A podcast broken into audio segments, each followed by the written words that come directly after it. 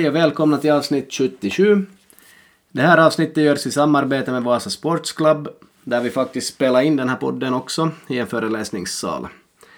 Eh, Vasa Sports Club är Vasas och Finlands största gym, ett motionscenter med en yta på cirka 4000 kvadratmeter. Stämningen är någonting av det bästa då man går på det här gymmet. Det märker man snabbt med alla människor där.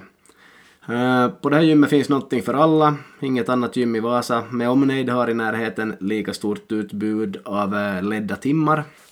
De har barnpassning så att par kan komma dit och träna tillsammans medan barnen sköts. Med en tagg kan man gå in och träna när man vill, när än på dygnet man vill. Eh, där finns bastu, massagestolar, biljardbord, café och allt möjligt som gör att Sportsklubb blir valet nummer ett. Om man vill testa på att träna där så kan man ta kontakt med mig, Peter Sigfrids, eller gå in på vsc.fi och ta kontakt direkt med gymmet där. Både och funkar. Så kan man köpa träning direkt eller eventuellt få testa på först. Innan vi skulle spela in det här avsnittet så hade vi tänkt att vi skulle ha en hel del diskussioner om fotboll också i avsnittet, men att vi märkt småningom att det tar uppemot fem timmar att spela in allt som vi har planerat, så vi valde att göra det till cirka två timmar den här gången. Seba berättar väldigt mycket och jag och Manko stöder honom och ställer frågor för att få ut så mycket som möjligt av det som han har upplevt. Han berättar både modigt och intressant om allting och han håller inte tillbaka utan det blev precis så bra som vi hoppades det här avsnittet. Och Eh, I början får vi lära känna honom lite grann via några personliga frågor. Sen går vi igenom alla hans klubbäventyr. Det är säkert 95 procent av den här podden. På slutet diskuterar vi hans speciella förmåga att slå frisparkar och göra mål på dem. Och den där diskussionen kan säkert hjälpa många lag och spelare att förstå vad det innebär att ta frisparkar. Nu startar avsnitt 77.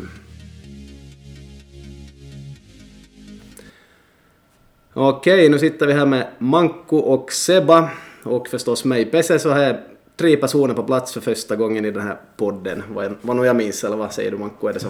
Äh, då för något år sedan så var vi med Tomtje och pratade så då var jag ju inne en sväng också så andra gången kanske. Mm, precis. No, men hur är läget? Vi börjar med Seba här. Hur är läget allmänt? Jo, riktigt bra. Vi närmar oss jul och det här. Jag har nog inte haft något större julstress på det sättet men att helt, ska vi säga en julstress på normal nivå och det där. I övrigt bara bra. Eh, men väntar nog på julen och på att få liksom varv ner ett par dagar. Mm, det är nog nice att få varv ner snart. Eller vad säger du Manko som är lärare? Ja, det, det där någon dag kvar och, och det där stress, stressnivån för mig är nog kanske lite högre än för Seba fast, fast igår så så får jag på Strampens julbord istället för att, att städa hela huset så, så att man har kanske lite att ta igen här i framtiden men ja. helt okej. Okay. Har du alla vitsord inne som ska Ja, och de var in nog för, för det där någon vecka sedan. Så. Ja, ja. Det brukar vara den där stressen i lågstad kanske. Perfekt. Um, innan vi börjar på desto mer kanske man borde fundera på varför man gör en podcast med någon och sådär alla har väl sina varför men för min del, varför vi sitter här ikväll, kanske för, för fotbollens skull, att vi får, får äh, lära oss någonting, både vi som sitter här och alla som lyssnar och sådär, men att jag vet inte, har ni funderat på något varför ni är här idag? Ja, jag vet inte, man kommer bli tyst här så om jag tar vid och så äh, Kanske, alltså Manko bad mig. Mm, ja, du ställer upp. Det är ju enkla svaret och det här. ja, man ställer upp och, och det där. Um, men sen också som du säger så om man på något sätt kan bidra till en förbättrad fotiskultur så är man ju gärna med. Mm, jag hoppas ni får ut några fotis av det, ni som lyssnar idag. Manko sitter och funderar, vad, vad gör jag här? No, nej, det är lugnt. Vi ska köra igång med sådana här snabbfrågor åt Seba så att nu de som inte känner honom allt för bra får en inblick i vem han är. Okej, okay, jag slänger lite snabbfrågor och Sebba får svar hur, hur snabbt han vill och hur kort han vill men att äh, vi hade ju någon med i podden en gång som rusa fram på de här frågorna så snabbt som möjligt. Jag nämner inga namn men det var ganska komiskt. Så det är ingen brådska på det viset men korta frågor här. Eh, vi börjar med namn Sebastian Strandvall, och ålder. 37. Yes, och familj. Jag har en fru och två döttrar, tre och sju år gamla. Yes, utbildning. Uh, ekonomikandidat. Kör vidare på mot magister. Ja. Har du något inom någon idrott eller några andra speciella grejer? Eller? Uh, nej, inte egentligen. Jag har väl uh, småningom börjat på, på min det här fotbollstränarutbildning, men det här uh, jag har inte, jag har inte slutfört, slutfört några kurser ännu utan, utan riktigt i startgroparna där och fast jag inte har på det sättet några direkta ambitioner i det här skedet att, att eh, börja jaga efter en ett, ett yrke som tränare så, så tänker jag att man kan gå, man kan gå de där kurserna lite i, i mån av möjlighet och, och tid och sådär. Ändå intressant att, att lära sig lite mer och, och jag coachar alltså vår äldre dotters fotislag så, så det där. Säkert får man med sig någonting där från de här tränarkurserna så, så det där. En sak i taget. Precis. Yes, uh, favoritspelare? Um, No, om, om man nu ska ta någon liksom aktiv för tillfället så, så är jag nog ganska svag för Jude Bellingham för tillfället. Han är ju nog säkert en av de hetaste för tillfället och, och han, hans spel imponerar nog på mig också. Precis. Uh, lyssnar på? Uh, jag har en par podcast som jag lyssnar på varje vecka och, och det där. Främst dem. Sen, sen lite Radio Vega emellan på morgon, morgnarna för att få in lite nyheter, lokala nyheter. Ja, är det någon speciell podd du vill tipsa om? Ja, när jag lyssnar, lyssnar på en par, par det här, en helt sån där, ett par kulturpoddar och sen, sen lyssnar jag väl i, i fotisväg så, så lyssnar jag på When We Were Kings. Och det där. Ja, sen, uh, ja och, och, också förstås det här uh, eh, Progressau podcast med, med Jani Sarajärvi och J.P. Savolainen så lyssnar jag också på. Att det är ganska bra att, att de är inte som så farligt långa de här avsnitten så att man får inklämt dem nästan lite här och där så att, så att jag är ganska tacksam att lyssna på på det sättet att When We Were Kings behöver man lite mer tid. ja, så det är 12 timmar. ja. Manko är ju bra koncept för oss. Det har varannan månad och en halvtimme då Ja. du kommer inspringande till, Ja. till podden. Visst. Det är lite samma. Vad tittar du på?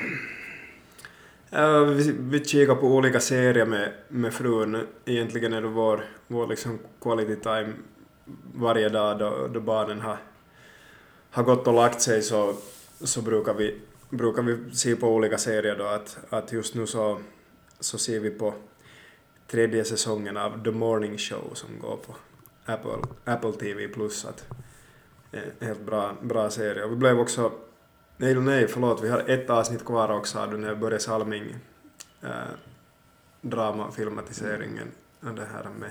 Avsnitt 6. Ja, ett avsnitt kvar där så. Precis. Helt bra. Att det ser jag nog på sen, sen förstås fotis men att um, ähm, under somrarna så ser jag på, på Veikkausliga och på, på Allsvenskan och sen under det internationella spelåret så, så det där blir det främst manusmatcher. Att jag prioriterar bort ganska mycket nu. Så det är i övrigt just för att, att, för att inte för mycket tid ska gå åt åt fotis. Att man får fokusera på familjelivet också emellan. Precis. Läser?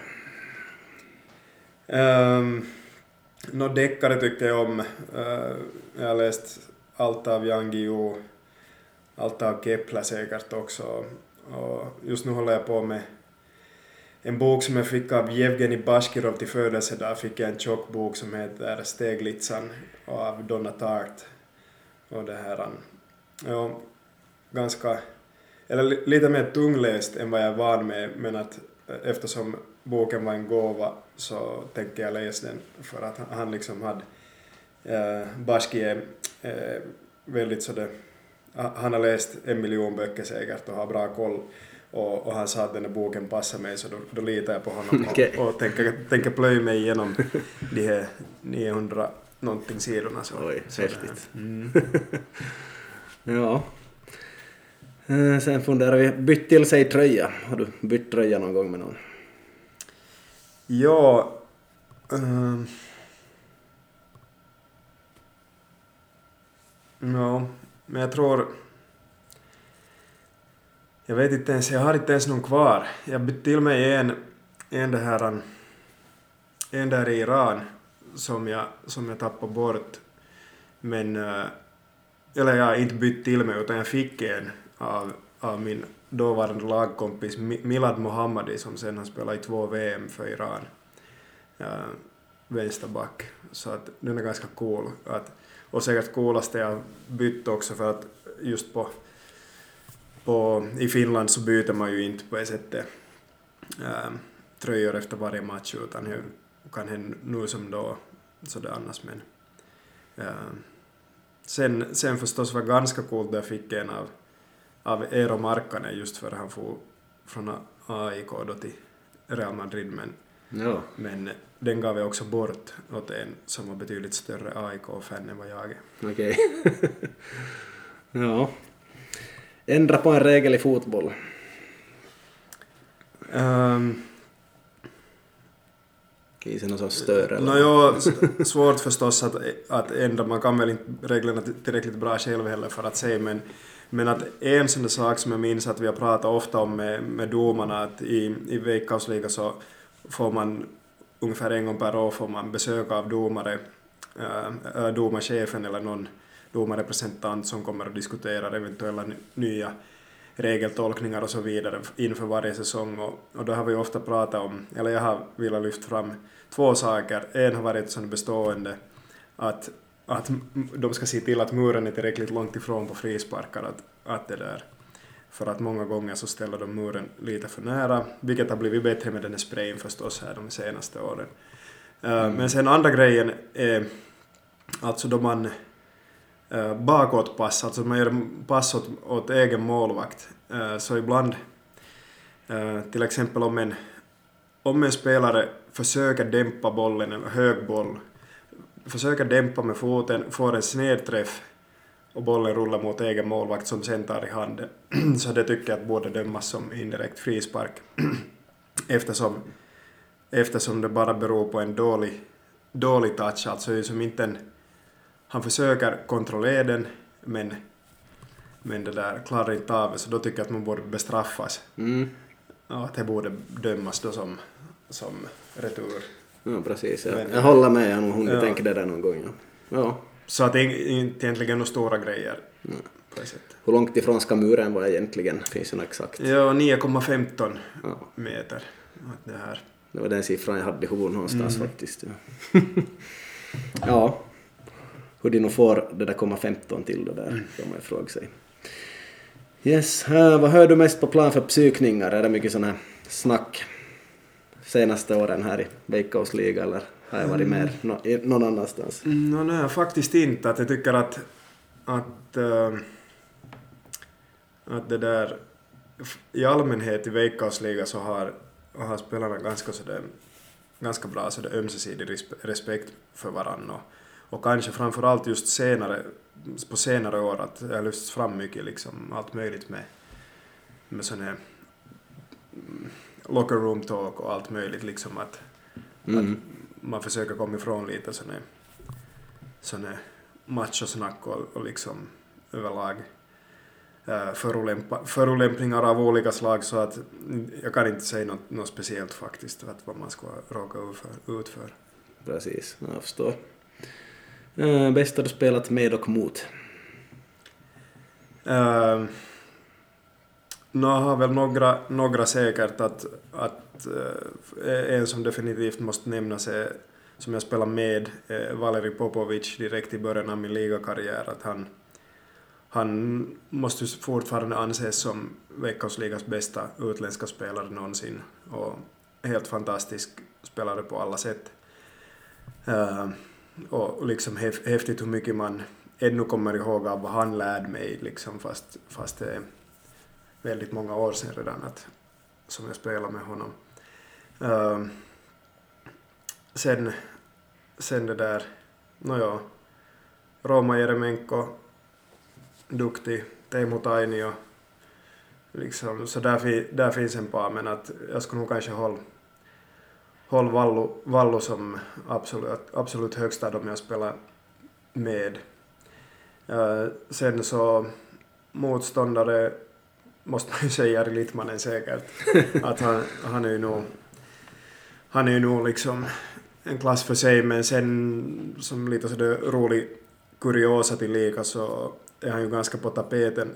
Portos iranska anfallare Mehdi Taremi som det här, han har ryktats till en massa olika storklubbar här, framförallt nu i sommarfönstret så var han också till och med aktuell till Manu i ett skede men, men är då kvar i Porto och har fortfarande, eller också nu börjar den här säsongen jättebra då så han, han spelade i Perspolis då när jag, den säsongen som jag spelade i Iran och minst han i ett möte så gjorde han två mål mot oss och, och han var nog faktiskt jäkligt bra. Mm. Intressant. Ja, jag kör ännu någonting. Världens bästa spelare, jag vet inte. Är det Bellingham där också? Eller, det var no, favoriten men... Mm.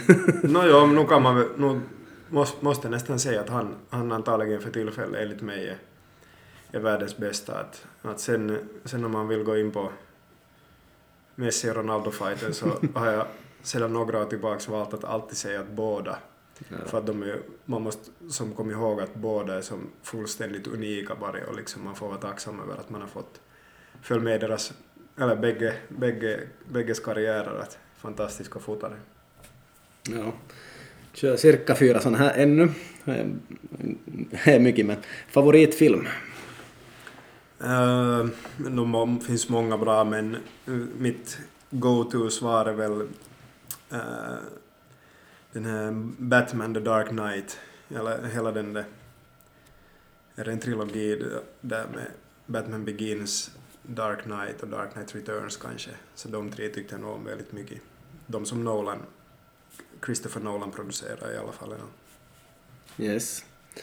Uh, bäst på i skolan, om vi tar bort gymnastik då? Uh, matte och fysik, antagligen. Språk har väl varit helt okej okay också, men matte och fysik. Ja. Uh, vi tar en sista. Tar... Vad unnar du dig? Mm. Ja, inte riktigt så mycket. Inte riktigt så mycket. Kanske chips. Ja. det bästa jag kommer på. Det här, för att jag, jag köper inte riktigt köper på ett sätt inga, inga grejer eller så det tycker jag att som man på ett sätt med. så, så inte vet jag men att, mm. äh, att det där men sen, eller ja, jag får säga bättre svar än chips för att chips, nu ja, alltså om man, om, jag äter inte mycket godis men att om jag vill äta något skräp så äter jag något salt. Mm. Så då kommer jag på ett bättre svar egentligen att många gånger efter match äh, så då då liksom har jag tyckt om att äta antingen en pizza eller till Mäckis eller, eller något sånt. Mm. Att det kan man, kan man kanske säga att man unnar sig då. Ja. Ja, vi ska gå vidare här och vi ska fundera lite hur det har gått i klubbar där Seba har varit och det här skulle vi kunna dra ut på i flera timmar men att vi kör några korta inblickar här och där så hur var det nu som junior var du med IFK alla juniorår eller hur var det? Ja, ja där bytte ju... Eller då när jag började så var ju BK 48 och, och, och det här Vasa IFK en och samma förening och vi hette ju BK IFK Vasa då men, men det där ja sen princip då hela tiden Vasa IFK ända till december 2006 då jag flyttade till, till Valkeakoski så att riktig IFK-pojk nu på det sättet. Precis, och på vägen har du varit i något distriktslag och möjligen något regionlag och sånt. Kan du berätta någonting där? Ja, ja jag, var nog, jag var nog med i alla de, eller i de verksamheterna då under den tiden som, som det var aktuellt. Att, minst när började man i 13, 13 års ålder kanske ungefär och, Och sen, ja ett litet avstick eller så det på, äh, medan jag gick i Vörå idrottsgymnasium så äh, då började, började på med den här akademiverksamheten och, och, och då, då på den tiden, det är ju länge sedan så då var ju akademiverksamheten lite annorlunda än vad, vad idag. Att, äh, Jaro hade en egen akademi sedan något år tillbaks och KPV hade en egen akademi. Äh, sen var först så hade Vasa ingen, men sen så bildades då Vasa fotbollsakademi, men då första gången som jag i alla fall skulle vara med och spela en, en liksom turnering i, med, med akademifotis så, uh, så då, då fick jag möjligheten att, eller vi som gick i Vörås, så vi fick välja om vi far till Vasas akademi eller till Jaros akademi. Och då var, då var det här um, Sixten Boström var huvudtränare i Jaro och Lasse Mosander var då hjälptränare där och han hade då ansvar över Jaros akademi, så vi, vi alla vi som gick då fotislinjen i, i Vörå idrottsgymnasium, så vi får alla dit då och spela med, med Jaros akademi, att åtminstone var ett eller två år då och sen, sen bytte jag åtminstone över då till, till Vasa akademi sen med, tillsammans med Pekka Utriainen drog då. Mm. Att, eh, inte vet jag hur mycket, mycket annat man ska säga om det, att, att det där uh, de här distrikt och regionlagen var man nog med i att, att aldrig sen något no pojklandslag eller sånt utan det är distrikt och region. Mm. Inte som reserv heller? Eller? Nej, det är inte, vad, inte vad jag minns i alla fall. Mm. Att jag minns nog att jag var väldigt knäckt där i något skede, alltså speciellt då vi min ålderskull spelade då hemma uh, EM och vad heter det, Vintiöt som det här laget kallades, så spelades ju i Finland och och, och alltså U17, U17 EM på hemmaplan. Så då minns jag nog att jag var väldigt knäckt att inte vara med, äh, för att då spelade ju den som ordinarie i Vasa IFKs första lag medans många andra som blev uttagna så de spelade bara som A-juniorsfotis då. Mm. Så att, men att jag, jag, jag kom inte med. ja, ja, ja. ja. Och säkert fast på någon plats men mm. inom topp 30 eller vad det nu kommer vara. tänkas. Ja, äh, Haka, Valkeakoski, man kan ställa frågor där du är intresserad av det. Nej, jag är ju intresserad just att de, de körde ju det här 4-2-3-1 just då, så var det ju då just innan en och Manninen och Popovic och, och den här Lehtinen och Kauppila och, och Shane och, och sen var det ju han den här som blev domare var ju mittback och sen vem var de här kantbackarna? Juuso Kangaskorpi Kangas, och sen tror jag Pietari Holopainen Ja, just det, det där på vänstern, ja. Så att jag skulle fråga, fråga dig just att finns det många Mikko Innanen? ja, Britse var bra fråga. För att, eller, nej, eller Mikko Manninen, för att de här namnen, nej, Mikko Manninen menar jag som ja. tränare, att, att ja. det är den här samma som har varit tränare, är han tränare, han är original, original Mikko Manninen? Mikko Manninen är ju både Uh, har ju kört något tränaruppdrag där i Jyväskylä och ja. sen, alltså men han spelar ju också ja. och det där. Uh, men innan den också, han tränade ju där i ja. TPV och, och där. Att, men sen så finns det nog inte ja, Mikko det var just det som, som fått. Ja. Han är sportreporter. Jo, ja, men det finns nog någon coach coach ännu som så, heter något samma sak som ja, har varit just Mikko Man, Mannila finns ju också. Ja. Jag, jag ska återkomma till det här men, men ja. Men ganska ju... bra ja. ja. Jag tänkte, jag tänkte, kan ju berätta en grej om Mikko innan, han var ju jäkla bra fotispelare och, och, men en sån grej om folk är intresserade av sådana fysiska tester och sånt, så då vi körde uh, sån klassiskt piptest, så då, då det här minns jag att den här Mikko innan som var, väldigt, som var väldigt bra ytter, ytter då, så uh, han kunde knappt springa tio minuter i piptest innan han var helt död. Men mm. alltså, sen skulle man ha satt honom spel 90 minuter tre gånger i veckan så skulle han orka hur bra som helst springa upp och ner längs sin vänsterkant och att, att det är intressant liksom att jag vet inte vad som hände med hans kropp men att han, han stelnade som till alltid då vi sprang piptest så att han drog ner på mm. medeltalsresultatet alltid ganska mycket. Ja. Här har jag nog den här, är det här den här Mikko Manninen som, som det där uh, som du har spelat med? Nej. Nej, så här är någon som har blivit som äh, tränare i, i Hämeenlinna. Det där, så jag tänkte just det också, att, Ja, att är jag hade inte riktigt koll om man bara sitter i det, ja, det är väl säkert vanligaste namnet som man Jag tror det finns en Mikko innan en i Vasa och Ja, så, ja. så vidare. Ja, Ja. Vilket namn. Ja, nej men en bra, en bra, är nog bra att få koll på de här. Eh, ni tog nog medalj med hacka där visst? Ja, direkt första året och, och det var någonting som man egentligen också annars skulle kunna ta fasta på att då när jag kom till, till Haka och Valkeakoski så då, då var ju Haka ett av Finlands bästa lag och hade varit många år i rad. Att, att det var ju väldigt stort för mig nu att få möjligheter att få, få provträna där och, och sen också då få kontrakt och, och helt vansinnigt lärorikt lärorikt för mig liksom att få komma in där som ung, ung kille med ja, i, ett, i en väldigt bra trupp redan från förra. Där var ju, vi fick silver det första året och tampade som guld med Tampere United som då till slut vann. Och alltså laget ändrade inte så mycket liksom från, från jag tror att jag och två till var, var liksom de enda som kom in och, och två eller tre då som lämnade. Så att där var ju en styrka förstås att det var flera år som de spelade tillsammans, den där stommen och, och det här. Han alltid bara ett fåtal nyförvärv per, per år och, och det där.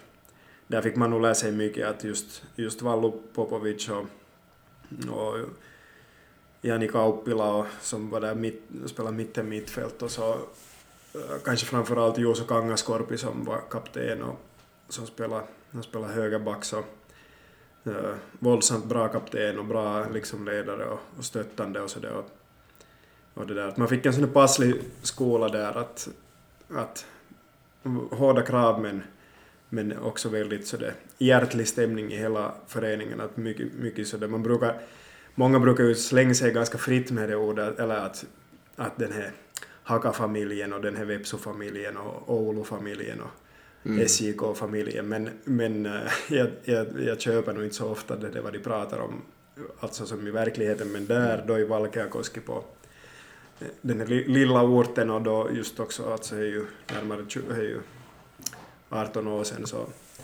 så det där väldigt, väldigt så det familjär stämning och, och um, umgicks mycket också på sidan av plan och familjerna var inblandade med fruar och flickvänner och barn och sådär att, det där, där kunde man faktiskt prata om, om en sån där familjekänsla i, i klubben och, och det var också viktigt säkert för mig som ung, ung då att få vara i en sån där miljö att, att nivån var hög och kraven var liksom höga men ändå kände man sig trygg och bra där så att det var riktigt, riktigt bra. Mm. Jag scoutar fram dig då kanske då du spelar IFK i 4-2-3-1. Det där, ja, då, eh, och jag var också imponerad och det gjorde förstås valet lättare att jag valde just Haka då, att, att man märkte att de faktiskt har som haft koll på mig i flera år.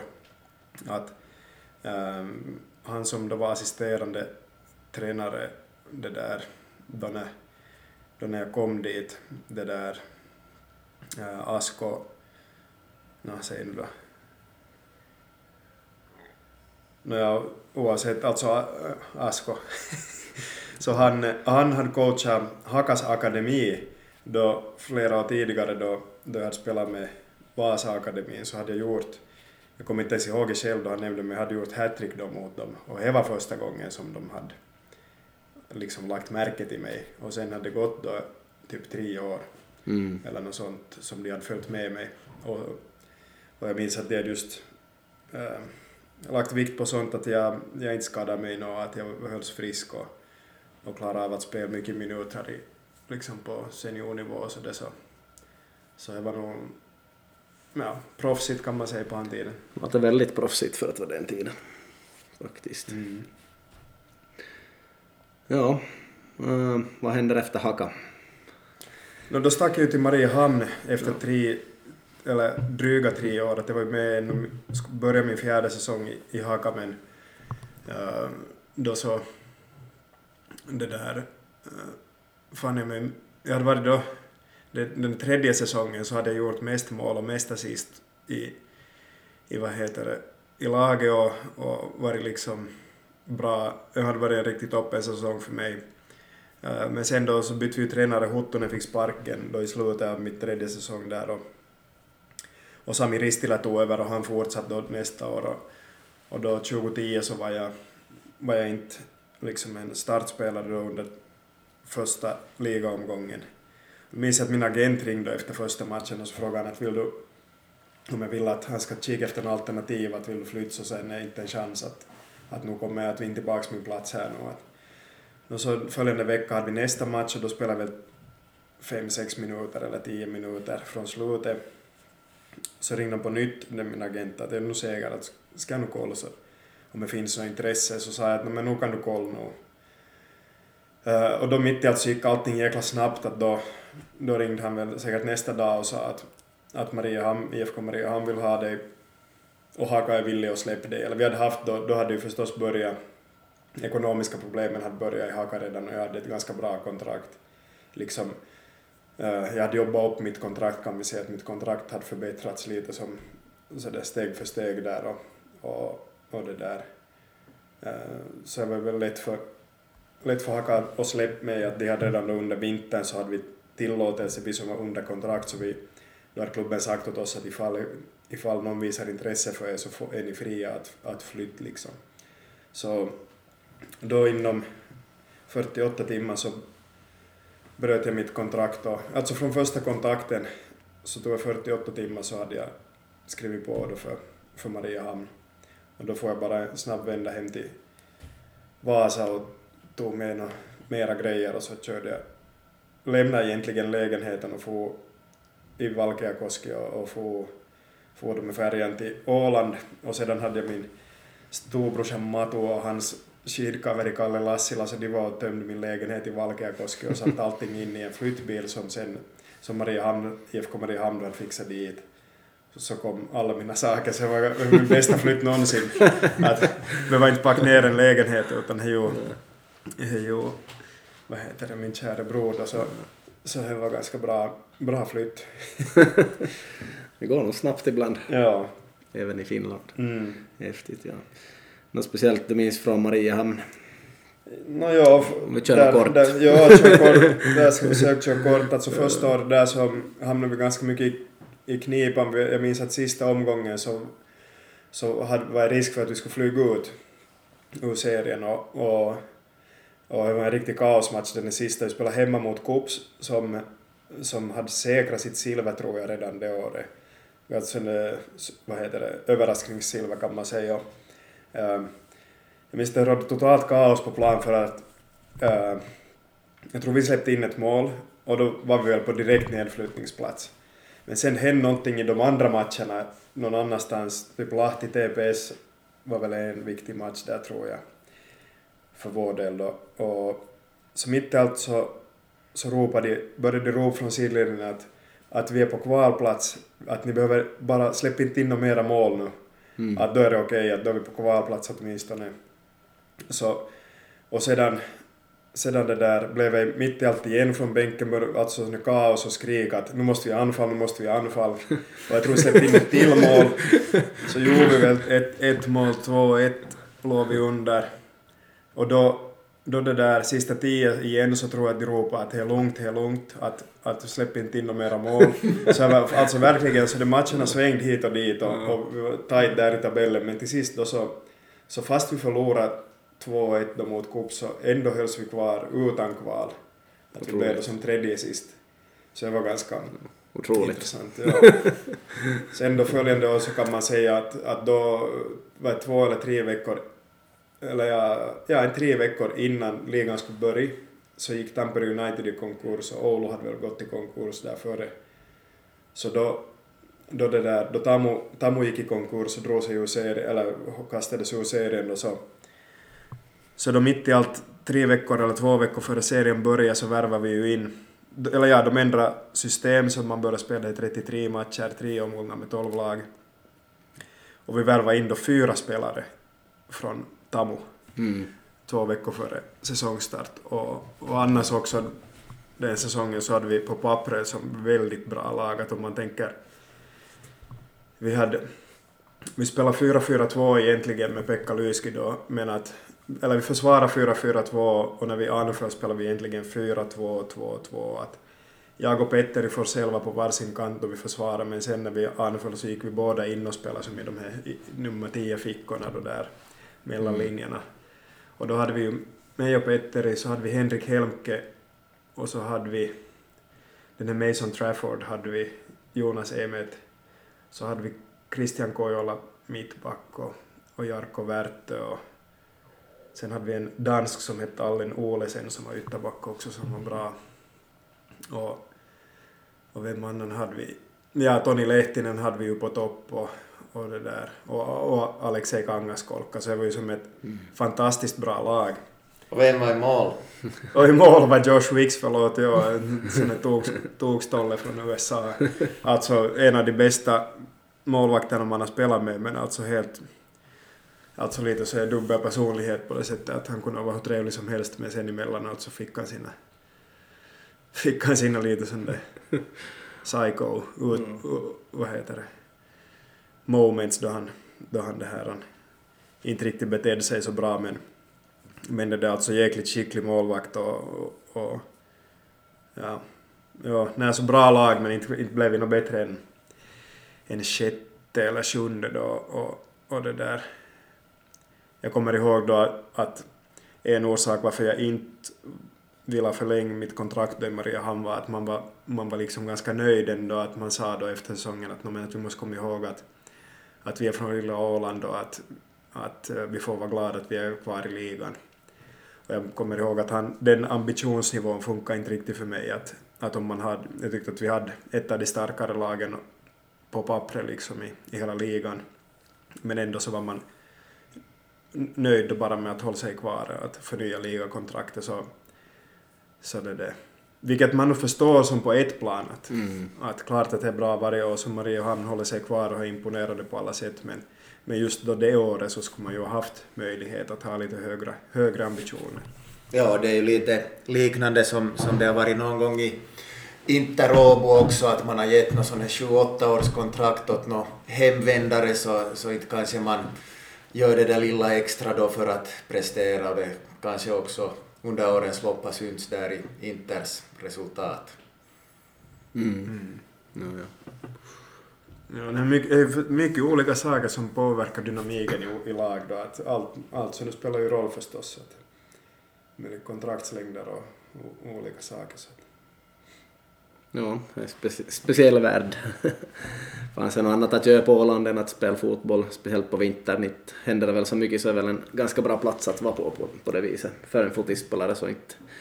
Ja, Ja, det är fotisen som gäller. ja nej, så är det. Men jag brukar säga att, att äh, egentligen så för en finsk fotbollsspelare så, så spelar det ingen roll att hur mycket eller lite det finns att göra äh, vintertid för att man är ändå så trött då äh, nästan, nästan hela den där perioden från december till mitten av mars att, att äh, mycket, trä, mycket träning hela tiden och, och det är bara bra att det inte finns några distraktioner som man kan fokusera sig på. på det där, att återhämta sig och vila och, och få i sig mat och, och sådana basic saker. Så att, så att jag, tyck, jag trivdes nog på det sättet bra där fast, fast vintern annars var ganska död så det på ön så, Mm. så trivdes man nog, i det avseendet trivdes man nog jättebra där och, och på sommaren då var det ju jättetrevligt och nära till, nära till Stockholm och, och sådär att mm, ett, nu ett bra, bra ställe till spela fotis på absolut. Är ett skylt fönster mot Sverige också förstås. Mm. Kanske ni hade några träningsmatcher på den tiden och mot svenska lag. Ja, ja, jag minns nog det här um, åtminstone AIK spelade vi mot nu och, och, och vem annan, vem annan? No, ja, fler, nu, jag har nog haft flera, jag kommer inte på Ja, ja. Men jag kommer ihåg faktiskt bara för att jag fick någon bild framför mig som, som jag någon gång hade satt upp på Facebook tror jag med, det var med, samma, med Martin Mutumba eller var med Daniel Tjärnström eller något sånt. Därför kommer jag ihåg den här AIK-matchen. Men, men den är, ja. ja. Eh, vad blev det efter Mariehamn? No, då skrev jag på tre år då för Vepso.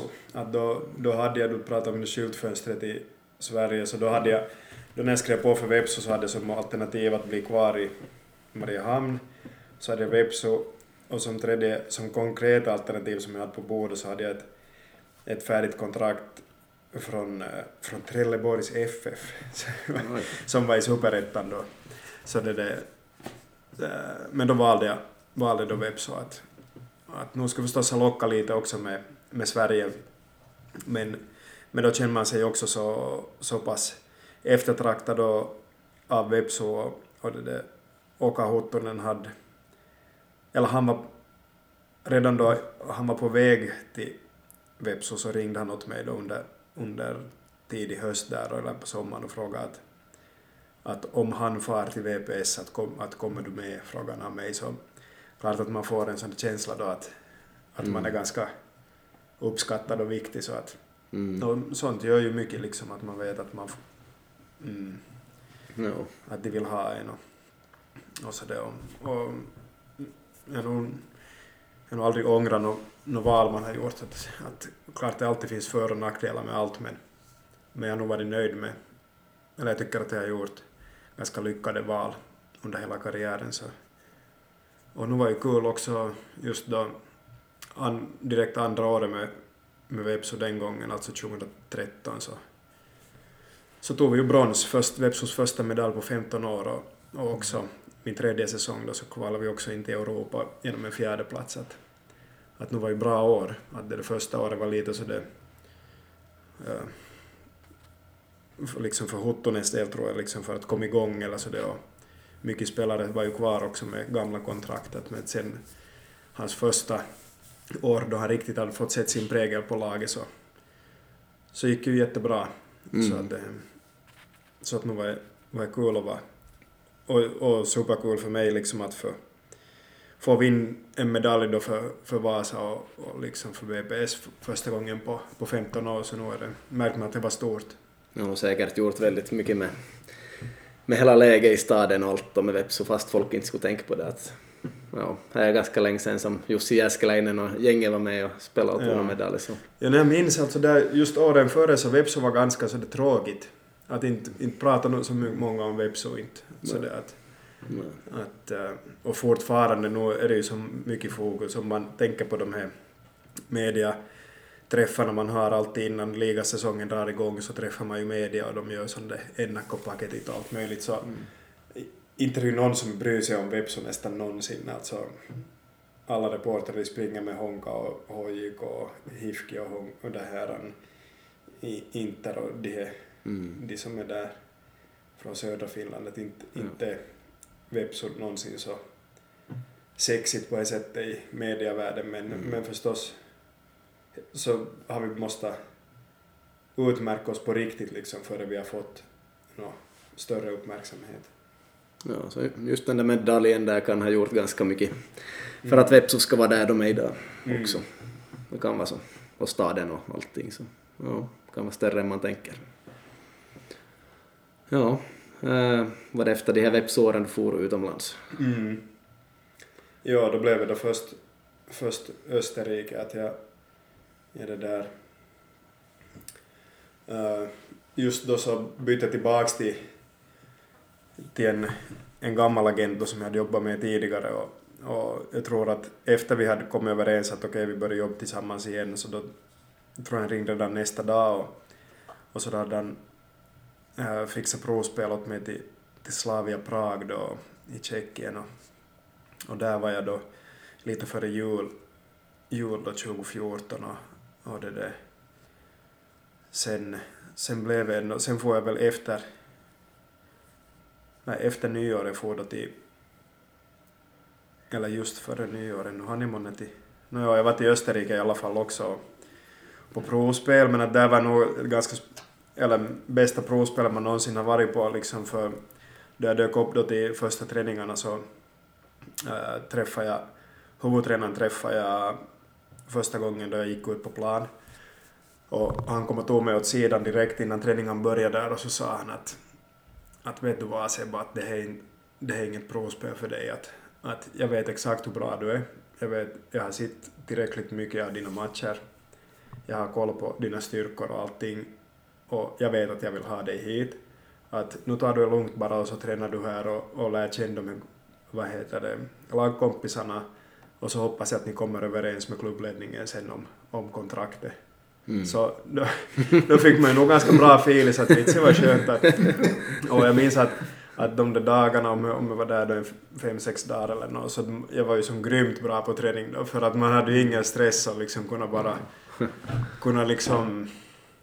Ja, jag vet inte. Slappen av. Ja, lite. slappen av och, och tryck fram bröstet lite att jag är som... eh, att jag är bra av det här. Ja, sen, sen tog det ett tag då innan, innan vi kom, innan vi skrev på det kontraktet men, men det löste sig till slut och, och så skrev jag på det för två och ett halvt år. Mm. Och då i det skedet där jag for dit så då, då, var, då var de ju mitt i säsongen då i, i Österrike och de hade inte mera under den säsongen några möjligheter att, att sikta på avancemang då, för det var ju näst högsta serien.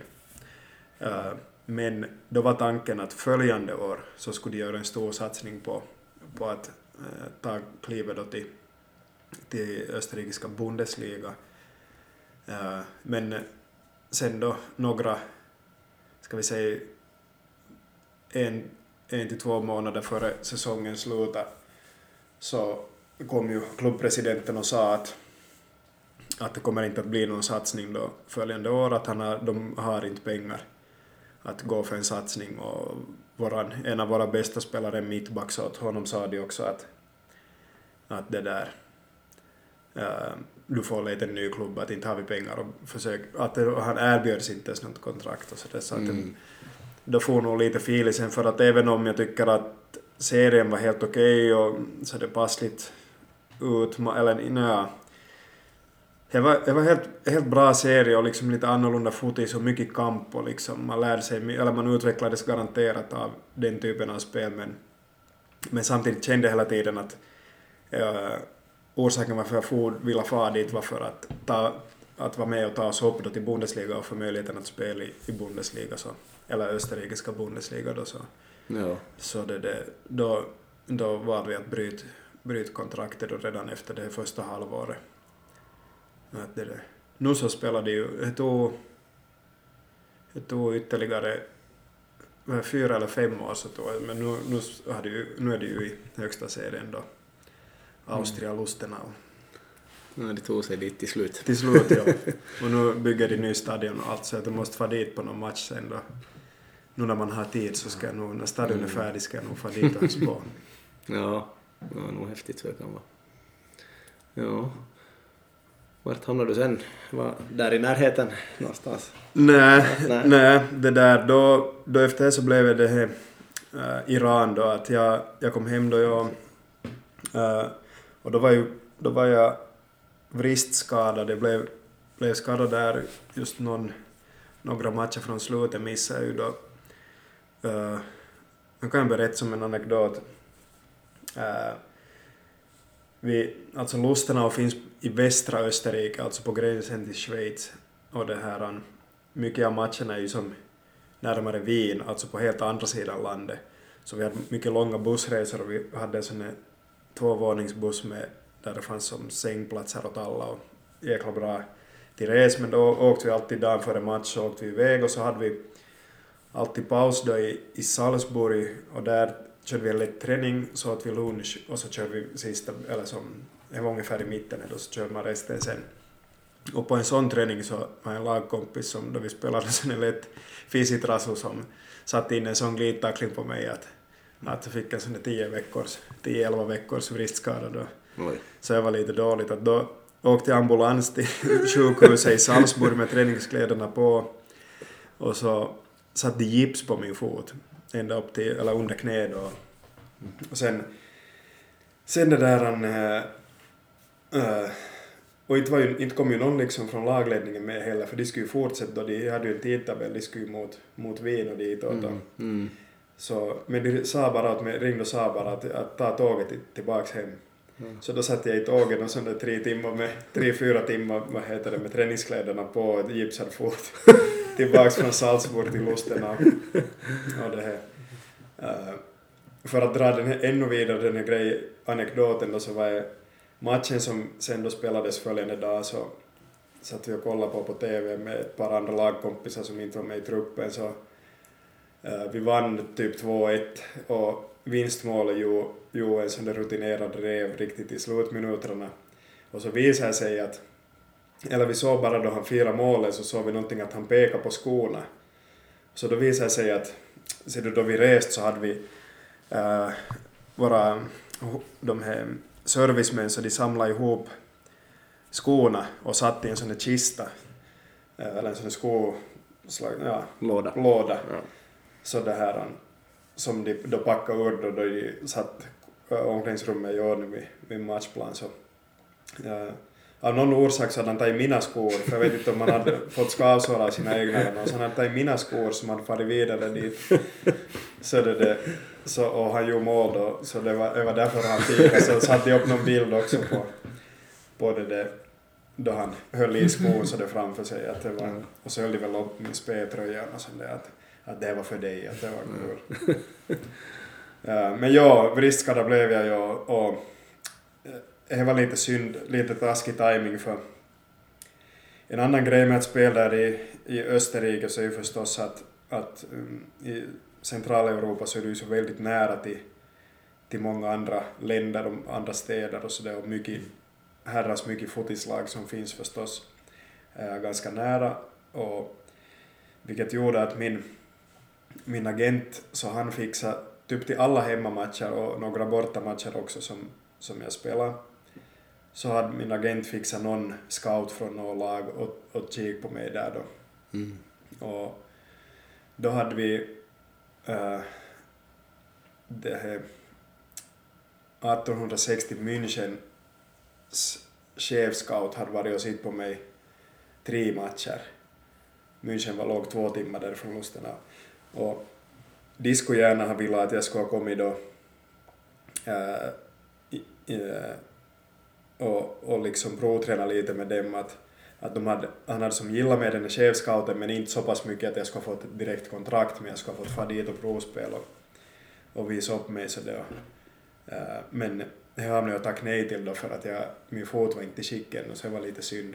Mm. Och likadant hände med ett par andra klubbar att, att just, det var något liksom lite sämre lag i, eller vad ska vi säga, typ ungefär samma nivå som österrikiska andra ligan som jag skulle ha fått som direktkontrakt till, men att siktet var ju som högre, men något direktkontrakt till, till några av de klubbarna fick jag inte, men däremot så gick jag just miste om tre, tre eller fyra möjligheter att, att fara och visa upp mig. Och det var synd att, att den här vristskadan då som jag hade på sommaren så, så gjorde det omöjligt så det här, äh, då de, vad heter det, augusti närmade sig, eller vi var väl i augusti redan, så då frågade min agent då mitt i allt att det började vara ganska tyst då på den centrala Europa-fronten, så frågade han att, att vad tror du om Iran, att skulle du vara intresserad av Iran? Så sa jag nog att inte vet jag att hur, hur är fotisen där och så förklarade han lite och, och det där berättade om, om fotisen och om, om lönenivåerna och allt möjligt så um, sen då efter ett tag så, så blev det klart att, att jag flyttade dit till, till Iran. Att då fick jag direkt kontrakt att, att bara på basen av, av videon som de såg. Mm. Att det, det behöver inte något provspel eller, eller något sånt utan, utan deras ägare flög till, flög till München och förhandlade med min agent där så, så det löste sig då till sist då. Och då hade jag förstås tagit reda på en massa om, om landet och, och sådär att dels från äh, finsk-iranska kaverin här och sen äh, Finlands ambassad i Teheran och, och den här amba, ambassadören som ursprungligen är från Vasa, en Harry Kämäräinen, han hade pratat med mycket om och det där. En finsk volleybollspelare, vad heter han nu då? Kasperi eller någonting. Kasperi. Inte vet ni heller någon volleybollspelare som... No, han har spelat i alla fall ett par säsonger i Iran. Han har nog varit landslagsman i något skede. Så han hade just då, då spelat där så. lite olika källor använde jag mig för att ta reda på saker om Iran och, och till sist så hamnade man där då. Det var ju också ett intressant år. Ganska häftig agent du hade på något vis. Är han helt anonym eller kan du säga nationalitet eller något på honom? Eller? Ja, alltså han är, han är tysk men iranska rötter, eller hans, Mm. hans äh, äh, pappa är iranier. Ja, ja, så det finns lite koppling i alla fall. Ja, ja. Ja, precis. Ja, han har, han har nog lite släkt där ännu. Ännu det är så. Tysk-iranier. Mm, ja.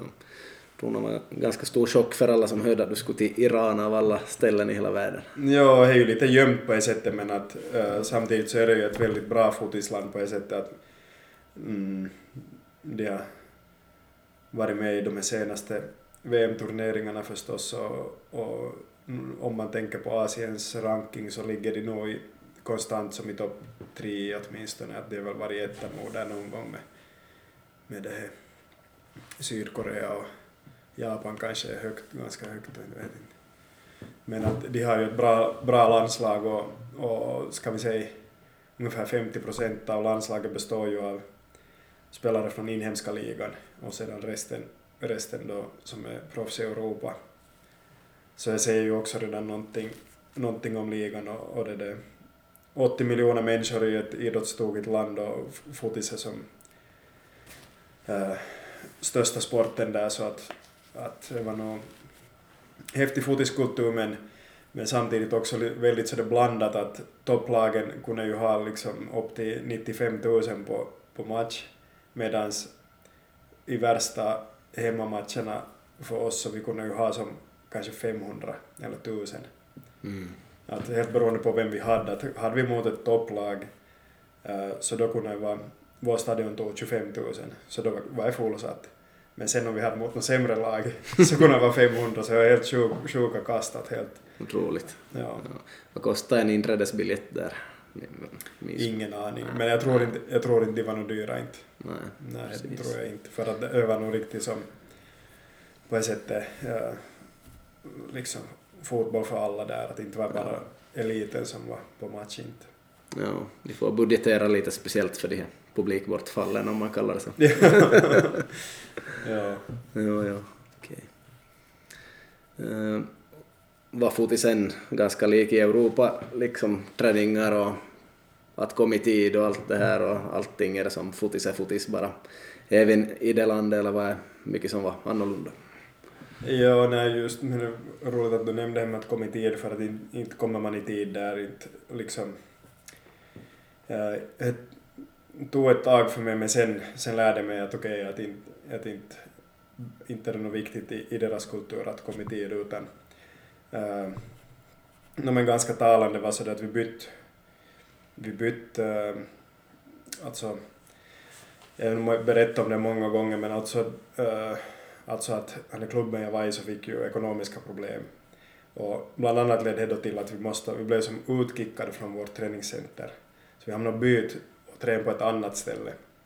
Och jag låg då helt i, Ehm, Vad ska vi säga södra delarna av, av Teheran. Och Teheran är ju en våldsamt stor stad och, och mycket trafik och det tar länge tid som tar sig fram.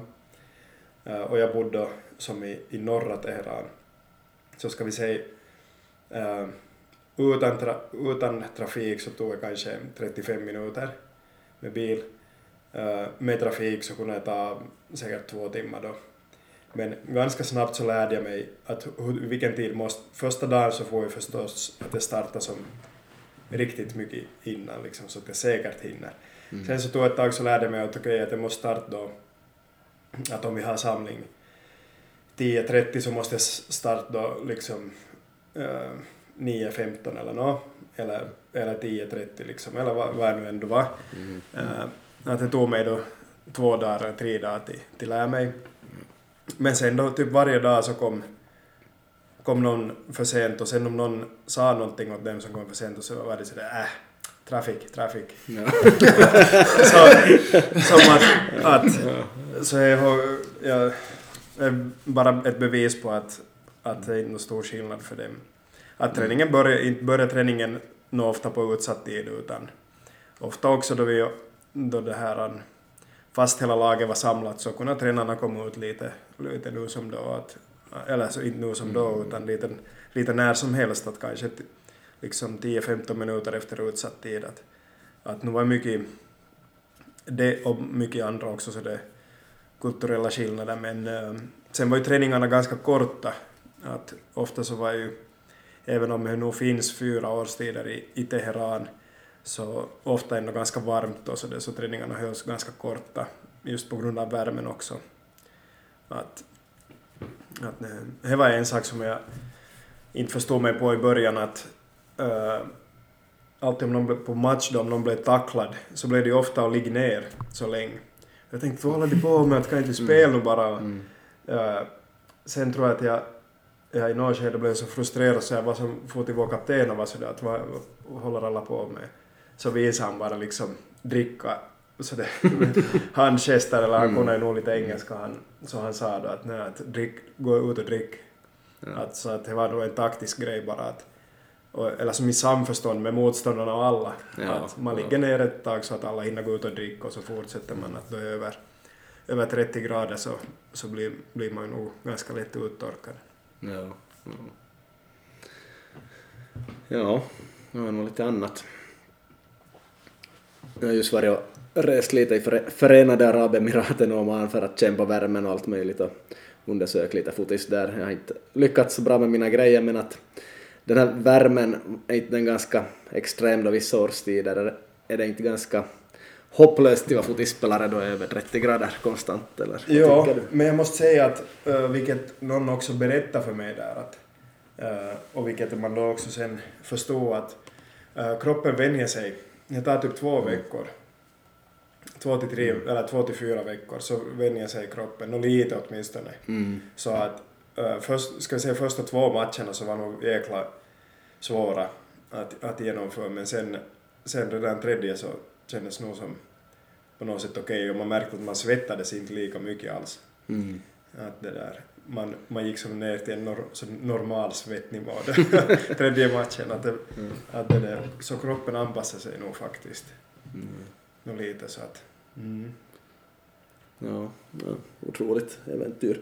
Kan ju berätta någonting om Iran ännu och allt kaos som uppstått sen. Men att, hur gick det för dig som spelare där? Slog du in några frisparkar, gjorde du några mål, blev det några poäng? Lyckades du? Uh, ja, jag tycker alltså... Det var ett speciellt år på alla sätt. Att uh, det här... Jag kom in väldigt bra i laget. Alltså, tränaren som var där då jag kom så han, och liksom som ville ha mig dit, så han, han gav mig direkt så mycket förtroende och, och han också via sin, via sin tolk som också tillika var hans bror så berättade han då att han är som han är övertygad om att jag kommer att passa bra in där och att han vill, han vill liksom ge mig stort ansvar och, och så vidare. Och, och det är lite speciellt för att du har, sen, du har i Iran så får du inte ha fler än tre utländska spelare, eller fyra egentligen, men att de måste som en, minst en måste vara från övriga Asien då. Att, att men till exempel tre europeer får du ha, och vilket gör att hela serien, nu det finns 20 lag så ska vi säga att det finns en 60-65 utländska spelare då Mm. eh, i serien eh, och de måste ju liksom förväntas ju vara liksom kärnspelare eller så det framstående i deras lag och, och det, det, i början det gick det nog riktigt bra och jag gjorde mål ganska tidigt, mitt, första mål gjorde jag ganska tidigt. I en cupmatch så vann vi mot, mot ett topplag i övrigt så det gjorde vi som på en hörnvariant gjorde vi mål. Och och det var ett riktigt riktigt som fint mål, det var inte en frispark men ett långskott då efter hörnvariant då. Och då blev man nog hyllad och sen bara några veckor efter så gjorde jag mål i ligan också på straff mot Esteghlal som är ett av de här två riktigt, riktigt stora lagen. Att, att det, här- och då var jag, eh, då de, man kan säga att då de och Perspolis spelar så då ser hela, hela landet ser på det, Mm. alltså på TV. Och på stadion var det väl en dryga 40 000 människor och, och jag minns att du hade gjort mål då på straff så, så de här veckorna efteråt så blev man nog igenkänd som på, i butiker och på, på gatorna så det, så, så det, det. Så jag kom igång bra och eh, och sen jag då när eh, vi spelade match på nyårsafton och sedan efter det så började deras vinteruppehåll så då minns jag att vi hade ledigt tio dagar efter det då. Men eh, då var vi mitt, mitt i, då hade vi spelat hälften och då tog de ut något sånt där bästa elvan av utländska spelare. Så där kom jag med. Så jag säger Mm. kanske någonting då att, att hur bra den första halvan av säsongen var. Eh, då hade vi bytt tränare en gång. men, men det här, då hade jag hade börjat bra med den här nya tränaren också. Eh, sen, Får jag broms Sen- fram och tillbaka ja. bara att och så spela in för 95 000 personer också. när den är 95 000 Eller så, det. så här här historia då, då är det på slut, då är vi i slutet av, av säsongen, här, alltså årets, säsongens sista match för mitt lag, det var, var just mot Perspolis, uh, Teherans röda lag och de, de där um, hade chans att vinna ligan. Eh, så då hade jag redan, jag bröt mitt kontrakt med det är två eller tre matcher kvar. Alltså just någon vecka Mm. före det då så hade jag brutit mitt kontrakt och kommit hem. Men då minns jag att då, då var hemma så fick jag meddelande av någon, var någon lagledare eller huolta eller någonting som, som skickade, att, skickade en bild från stadion. Mm. Att do you wish you were here? och det var en och en halv timme före match och den här nationalarenan var då som fullsatt, att det är 95 000 åskådare. Så att det var, skulle säkert ha varit ganska häftigt men Det är inte många spelare i världen som har spelat inför det. nej, nej, så, så det där. Ja.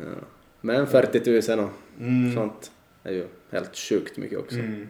Mycket mer än landslaget drar. Ja. Mer än ryms. Lite mer än ryms på landslaget. Mm. Du har nog varit med och folk känner ju nog inte till det heller. De, de tänker inte på sånt här. Så Mm. mycket tror jag. Ja, nu är inte det som på det sättet så unikt heller, men hä- häftigt och roligt alltså. Och jag är nog helt som, alltså jag är väldigt glad över min långa karriär i- Finland och så det, men, men eh, om man, säg att om man skulle få börja om, chansen att få börja om som ung spelare så nu absolut ska jag försöka gå utomlands tidigare. För Mm. att äh, äkta fotiskultur är nog så, så, så jäkla fint att få uppleva liksom på nära håll. Att också där i, där i Österrike så fast det inte var så många tusen människor där så alltså den här volymen och volymen alltså då de sjunger och har fina ramsor och, och, och liksom fin inramning och alla, alla på något sätt bryr sig. Ja, det är som så stor grej om man tas på allvar att här i Finland ses ju fotare eller idrottare överlag att det syns eller är ju som en hobby typ att medan man utomlands så är man som en mer av en stjärna då på det sättet så alltså det är häftigt att, att uppleva. ja, absolut. så ja. Ja, nog en annan värld då. Förstår nog att de som får känn på det så vill ju säkert vara där och, och så vidare. Uh, jag och Manko håller ju på Arsenal så vi har ju kanske varit i London någon gång och sådär och nu är det ju bra där men vi har ju inte de bästa fansen ännu Nej, kanske, inte, så. inte. Lite bättre håller det på att bli nu med stämningen där men... Ja. men, Ja. Men ja, man förstår, förstår vad du menar då. I Österrike kan det säkert vara ännu bättre fast det är bara några tusen.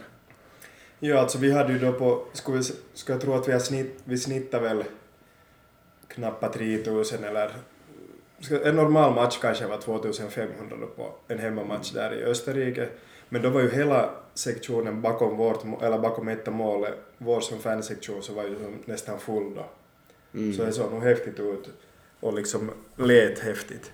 Att, att det här huvudläktaren var, på långsidan var ganska gles, glesbesatt men sen då Fanny, Fanny-läktaren som var fu- fullsatt då oavsett så, så nu gör det en viss skillnad. Ja. Kul då alla bryr sig. Mm. Absolut. Ja, vi tog en kort drickapaus här. Det blir ju en lång körare ikväll. Eller vad Manko? Jo, jo, kyllä, kyllä. Jag börjar nio imorgon så. Ja, det När det här spelas in. No, är nästan jullov. Nå, det här vi plågar sig bara en stund till här.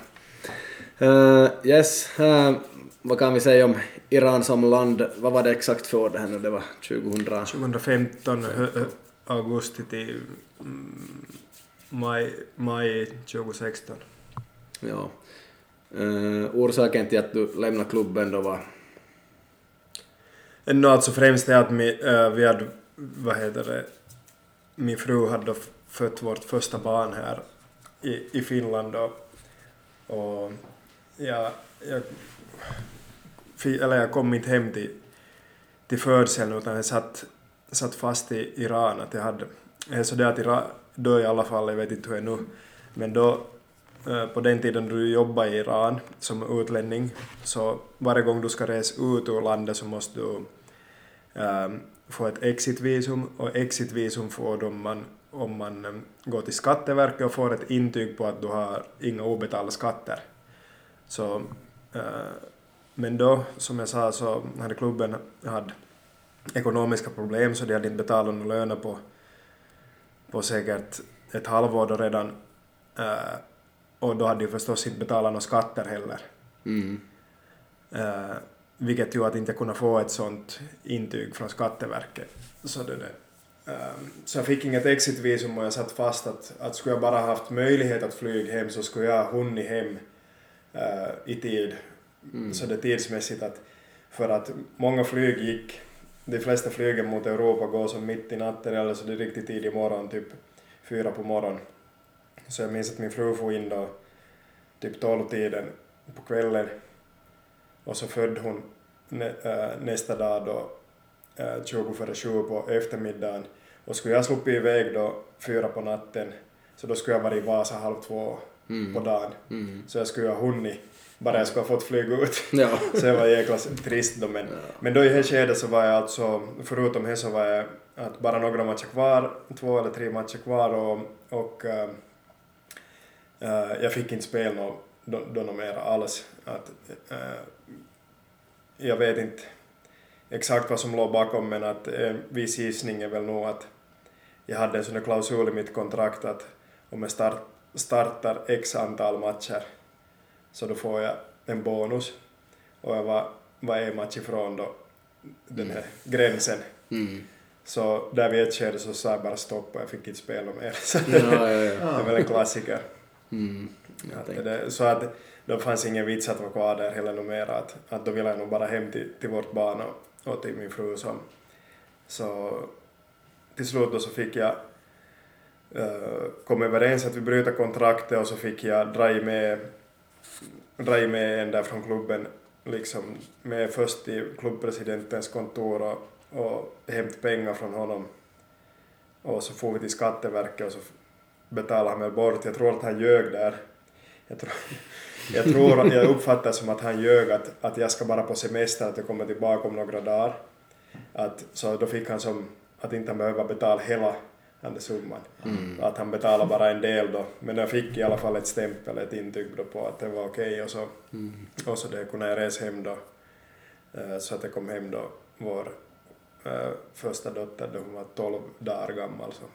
Ja. Så det där, hyfsat snabbt ändå, hon kommer nog inte ihåg det. Kommer frun ihåg det? Jo, men inte vi pratat om det mycket på länge. Alltså, klart att det var, men det var ju alltså, så det, oskojat så det var en jäkla så det, traumatisk tid nog på alla sätt för oss att det, det var nog det värsta man har, eller bland det värsta man har gått igenom i alla fall.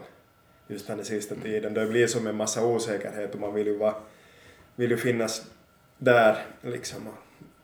Ni vet ju som också är föräldrar att Vi har varit där. vill- Ja, exakt. Ja. Att det här... ähm, så... äh, men att det var... Det var som var man det här lärde sig säkert någonting. Ja, och du har ju säkert offrat tusen saker i ditt liv för fotis och idrott, men det var kanske värsta på sätt och vis, fast det var inte ditt fel, men att ändå. ja, ja nej, alltså, Ändå. och, och just det om uppoffringar så, äh, som ni också vet, så det känns ju inte som, som uppoffringar, det här om man lämnar bort fester och, och sånt. Mm.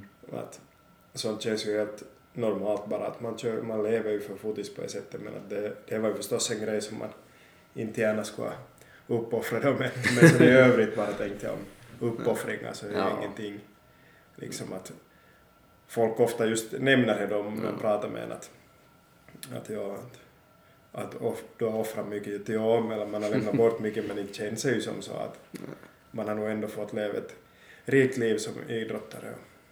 Ja, det är där mellan 17 och 25 som kan vara ganska kul att fest.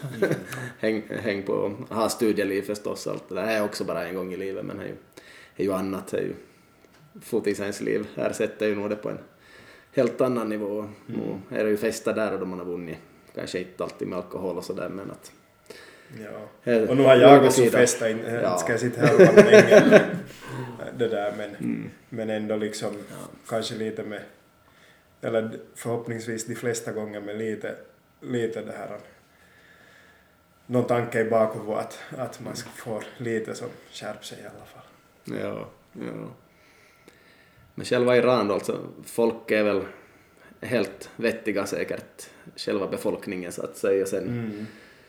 är de väldigt styrda då mm. av regimen.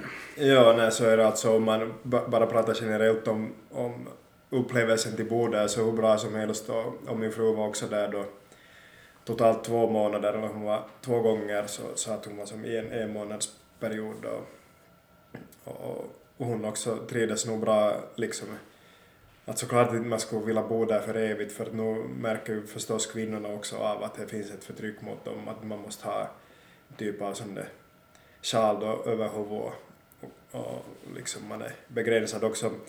Men män får ju inte gå med shorts utan fast det är hur varmt som helst utan kortärmad får män ha förstås, att det är ju mera lyx för män att, att det är ju nog män som styr där och, och liksom är Måste man ha byxor alltså? Ja, man måste ha långbyxor. Alltså du är på träning och sånt får du ju ha shorts men, mm. men alltså på gatan får du inte gå med, då måste du ha långbyxor och, och det här. Så det finns ju en massa saker men alltså det är, alltså folk är ju hur trevliga som helst där och hur vanliga ja. så som vi andra. Ja. Mycket trevligt, trevligt folk och så det väldigt äh, gästvänliga och, och intresserade av, av Europa och, och liksom må, många som har varit eller många som då kom fram till en och ville prata liksom för att de såg på en att man, man inte var iranier utan, utan det där en europé så, så väldigt vänligt folk och man fick mycket hjälp av, av de här lokala där att oavsett om de hade någonting att göra med fotis eller inte utan också bara någon vanlig som man kunde stöta på på gatan så de är väldigt artiga och vänliga människor så att det är synd att, att de liksom styrs på ett sätt att äh, så hårt av regimen där att jag tror att äh, fast man liksom alltid finns ju konstiga typer överallt men, men det där äh, jag skulle nog min gissning skulle vara att majoriteten är, är helt vanliga människor som vill leva helt vanliga liv och, och liksom vara med kompisar och familj och resa och lära sig saker och jobba och alltså helt mm, vanliga mm. saker som vi också vill att inte vill inte, vill, inte tror jag att de flesta vill vara så uh, de är ju som så separerade på något sätt från västvärlden på något sätt att de är som så främmande för alla. Mm. Att jag tror att de flesta bara skulle vilja leva ett helt vanligt liv och, och de flesta försöker väl göra det i mån av sina möjligheter. Ja, inte att det kan supa mycket om just det här men får det inte resa ut ur landet hur som helst heller? Nej, där finns ju också sån där att, ja, jag minns en story från när jag var där så då skulle iranska damfutsal-landslaget så de, hade, de, de var ganska bra på futsal, minns jag. Så skulle de spela VM men så var målvakten så fick inte tillåtelse av sin man att resa utomlands och stoppades hon. Så det är ju också helt, ja. helt sjukt på det sättet. Ja. Att hon ska då måste få tillåtelse av sin man. Ja. så det där. Ja, så. Att man inte får ha shorts på gatorna, skulle du ha gissat det Manko? Nej, det visste jag inte alls. Nej. Ingen aning om heller. Mm. Ja. det finns nog allt, allt möjligt. Sen det här med allt som har hänt sen och, och din lagkamrat och allt det här, du har förstås berättat om det i många andra sammanhang, inte vet jag, ska vi gå in på det alls här eller lämnar vi det bara att man får läsa det någon annanstans? Eller vill du nämna Nej, no bara kanske kan nämna att om vi, om vi nu äh, eller för, ja, folk får ju ta reda på från andra, andra ställen men att en sån, om vi nu antar att ganska många vet om det, i alla fall de som lyssnar på det, så, mm. ähm, så kan man ju säga att liksom en, en sån, ett sånt meddelande att den är kampen inte är över eller sådär att, att fortfarande så, så behövs röster för att, eller, ja, för att göra deras röster hörda där som har drabbats på olika sätt. Och också den är min lagkompis så, gamla lagkompis som sitter fängslad så eh, ett drygt år har han suttit nu och, och det där har ännu då 15 år kvar på, på fängelsestraffet. Så att eh, jag fortsätter nog att göra vad jag kan för att, för att han ska få rättvisa i något skede och få, få komma ut därifrån och inte behöva vänta 15 år och liksom få hela livet förstört där. Mm. Ja. Det är en värld som är svår att förstå. Mm. Och kan diskutera hur länge som helst. Men du har varit mycket i media med det så det går att läsa lite på andra ställen och sätta sig in i det. Ja, ska vi lämna Iran? Ja, jag tycker vi kan gå vidare nu. Ja. Hur flyger man till Finland? Är det via Turkiet eller något? Mm. Ja. oftast via Turkiet det här Istanbul, Istanbul och så Istanbul Helsingfors. Att ändå ganska, ganska okej att äh, alltså är tre plus tre timmar egentligen från Helsingfors så är det inte så farligt. Mm. Att det är ganska passligt som det tre plus tre. Att och just som jag sa då att, att jag skulle ha hunnit hem till, till fruns födelse ganska, Ja. ganska snyggt egentligen om man skulle ha farit på natten och, och varit redan halv två i Vasa så att, så att det, ja. Ja. Men VPSen. Ja, då kom jag tillbaka och då, då liksom, när jag kom hem då så uh, hade jag ju inte på ett sätt eh, några tankar alls på att vad jag ska spela till nästa utan jag ville bara hem uh, och vara med min familj då. Eh, sen var jag, var jag ganska snabbt ändå som någon snappade upp, jag tror jag, ja då när jag mellanlandade på Istanbul Atatürk Airport så så då skrev, skrev jag en tweet om att jag, var, att jag har brutit mitt kontrakt och är på väg hem. Uh, så då tror jag inte tog något länge förrän någon uppfattade att, jag, att, att transferfönstret i Finland har inte som stängt ännu då. Att, det var väl några dagar då ännu tills jag skulle stänga eller något sånt där. Men, så då började ju nog någon ringa och fråga att, att vad ska du spela då? Men jag hade inte tänkt på det något alls. Men sen, sen tog det så länge då före Petri Vuorinen hörde av sig från VPS och, och så träffades vi och han berättade om Vepsus nya liksom, identitet på ett sätt och tankesätt så var det nog inte svårt att, att hoppa på där. Då, då hade jag nog en tanke då när jag skrev på att äh, då skrev jag först på bara för resten av säsongen säkert att, att då liksom för nu har vi ju då i tidig, tidigt maj eh, och så tänkte jag att efter den här säsongen kan man nog se igen att ifall situation med familjen är så det passlig så då kan man söka sig utomlands igen. Eh, eh, men så blev det ju då att jag får, skrev på på nytt då igen efter säsongen 2016 skrev jag på två år igen.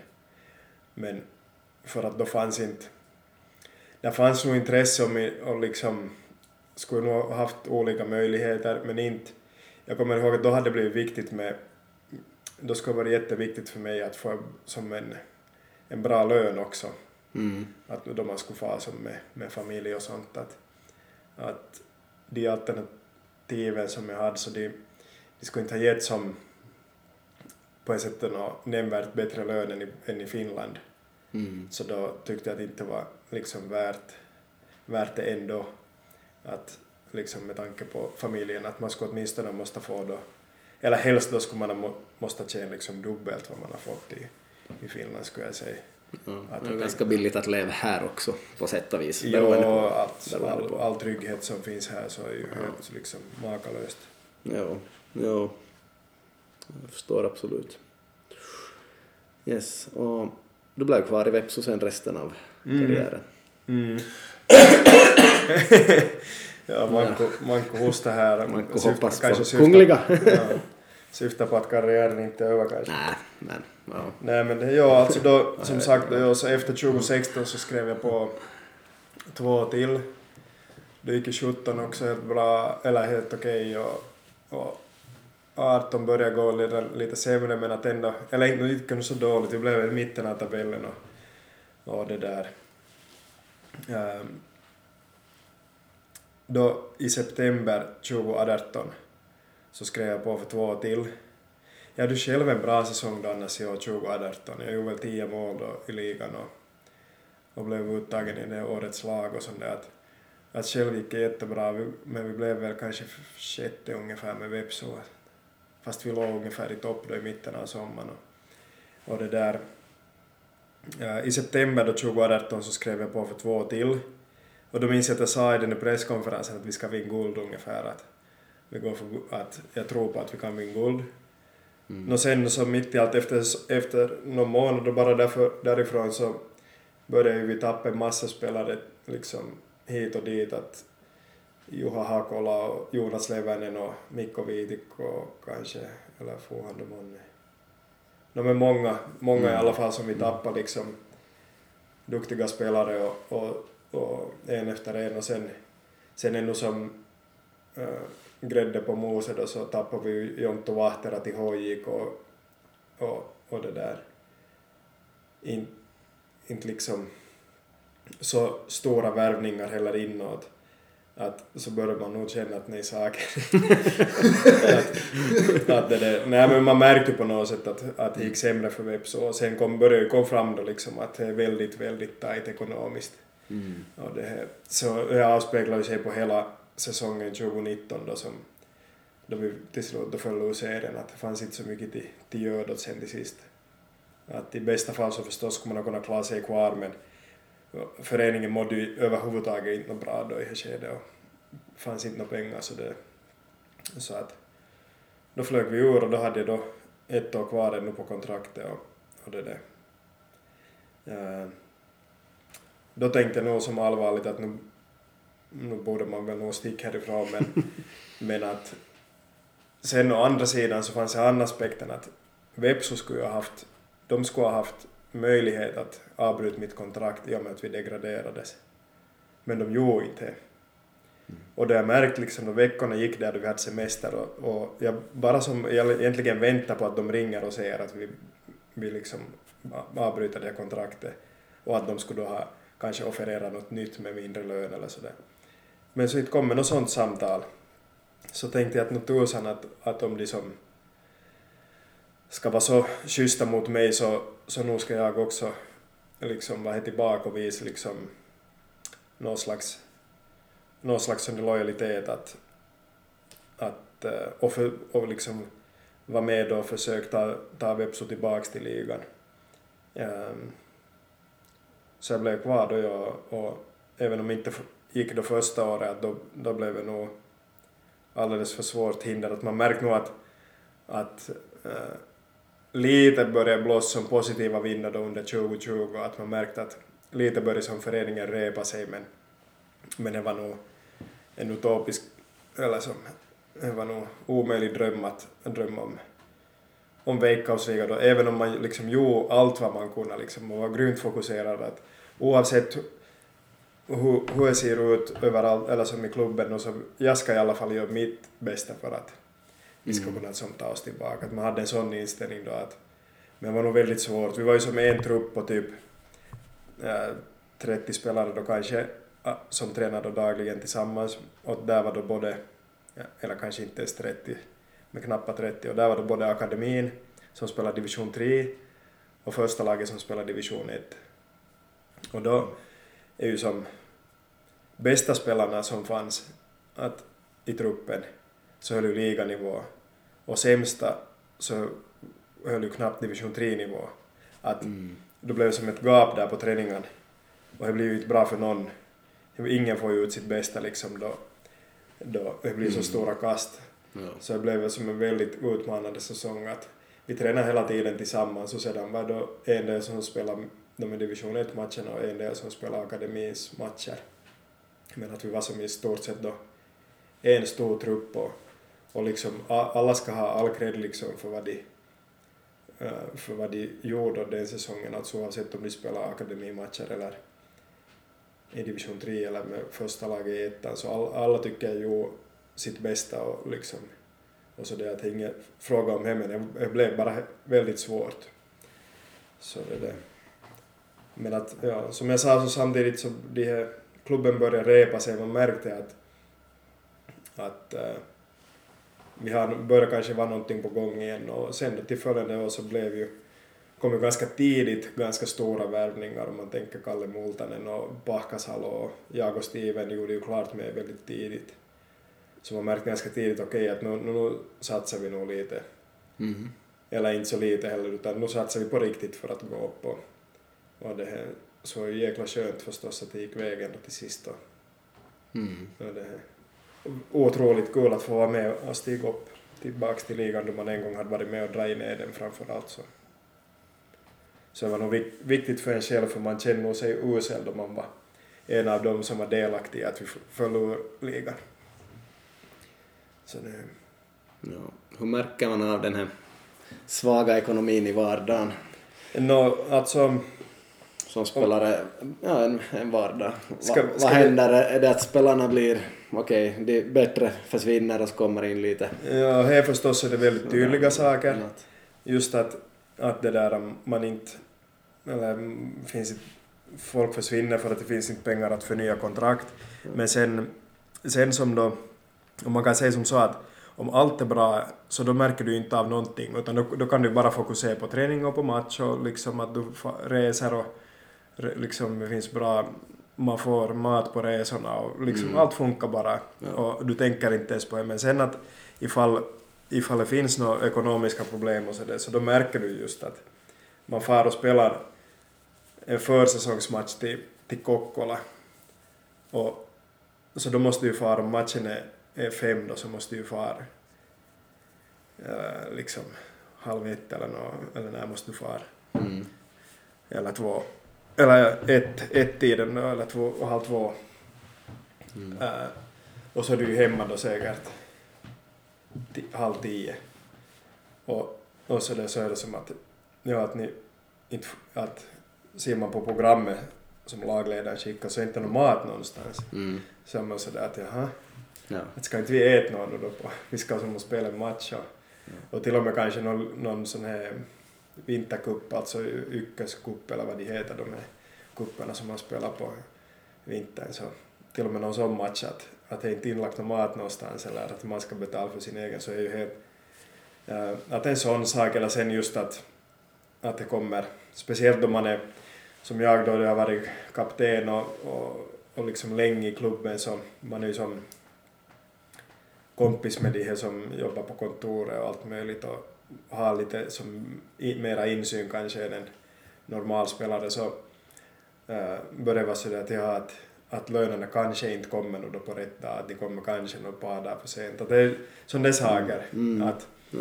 att sådana små, små grejer egentligen och kommer inte några nya träningskläder och finns inte några nya då eh, det fotistrumporna repar så finns inte några nya att hitta utan det är liksom att gå och Mm. köpa själv.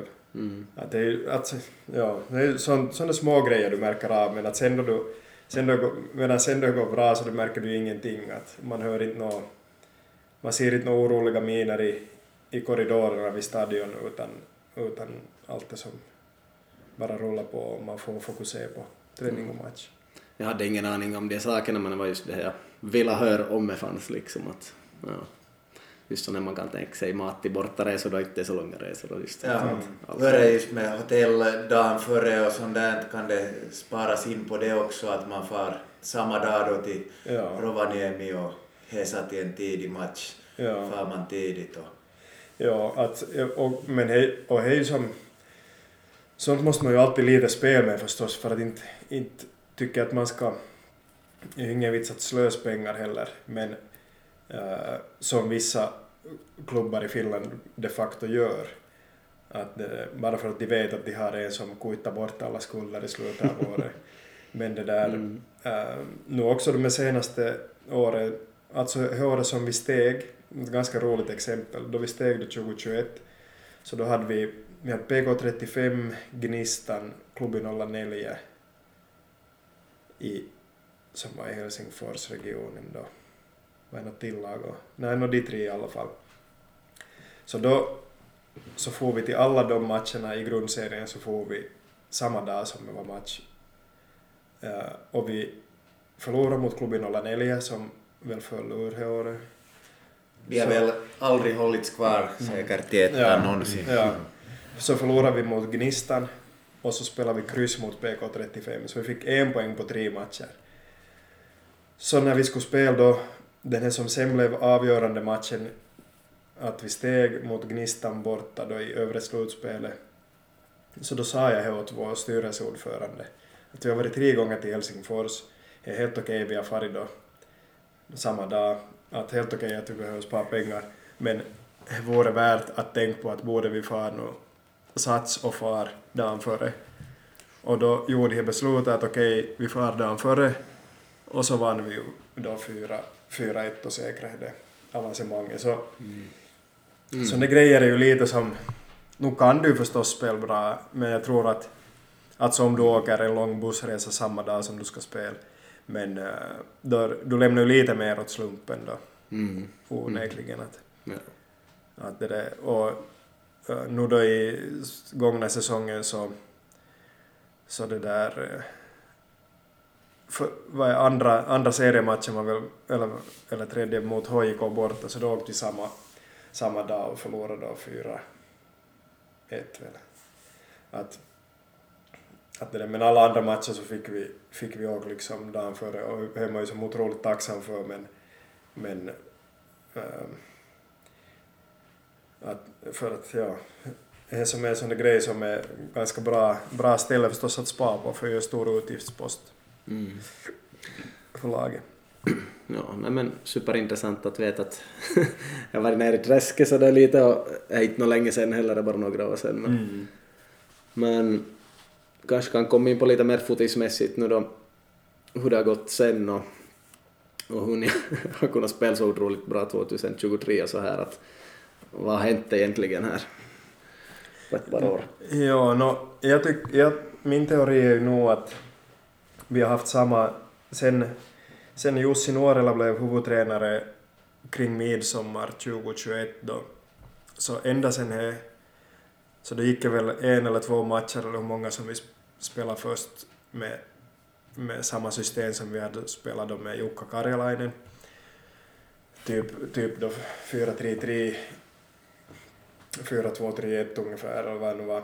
Ehm, men sen då ganska snabbt så bytte ju Jussi till, till det där 532, och eh, samma basprinciper, samma enkla spelidé, enkla, enkla de här, alltså väldigt simpelt och pragmatisk, simpel och pragmatisk fotis. Alltså, eh, det är ju som inte alls någon invecklad taktik som vi har spelat. Eh, men, men ja, jag måste hoppa lite tillbaka. Alltså, äh, dels har vi då, om man tänker sen här året vi steg 21, 22, 23, så haft samma stomme ganska länge att, att det har varit då, om man tänker, tänker då jag och Steven och Kalle Multanen och Mikko Pitkänen och, och liksom, äh, vem är det jag glömmer bort här nu, Teppo Marttinen, Mika Niemi, men ja, säkert glömmer jag en- ännu bort någon som, som jag gärna skulle vilja säga, men alltså samma stomme på något sätt. Ja. Ehm, och flera andra också förstås. Arttu Nuutinen fast han inte har spelat så mycket men alltså många, många som har varit samma där i omklädningsrummet. Så vi har haft samma spelare, samma stomme plus minus någon och vi har gjort samma sak hela tiden och tränat med samma mönster hela tiden och fokuserat på samma saker hela tiden med samma spelsystem, med samma principer. Och oavsett motståndare, oavsett tidpunkt, hela tiden, bara samma hela tiden. Och det är väldigt enkelt, det är inte svårt i spel i Webso inte. Att Mm. bara du lär dig, lär dig lite att vad, vad, den här, vad Jussi Nuorela vill ha. Så där, där är ju som det varför vi har lyckats. Plus då förstås att uh, vi har lyckats med, med vissa eh, liksom nyckelvärvningar. Att 2022 som också var ett bra år så, så var ju liksom detta gäng jäkligt lyckad och, och Tyler Reed de här båda åren 22-23 då han var det här han, Jussi Pikkarainen båda åren 22-23, Prospera Heabo 22-23 Och sen då till i år så lyckades ju också nästan alla värvningar att, eller, eller nåja, nästan, nåja, ungefär 50-50 men, men att de som verkligen var viktiga så var Jevgenij Bashkirov, Peter Michael, uh, så var ju som, och Harry Sawyer också för den delen som kom i mitten av säsongen, så de, de passar ju alla, alla väldigt bra in i, i vårt spelsystem och, och de lär sig också att hur vi, hur vi vill spela.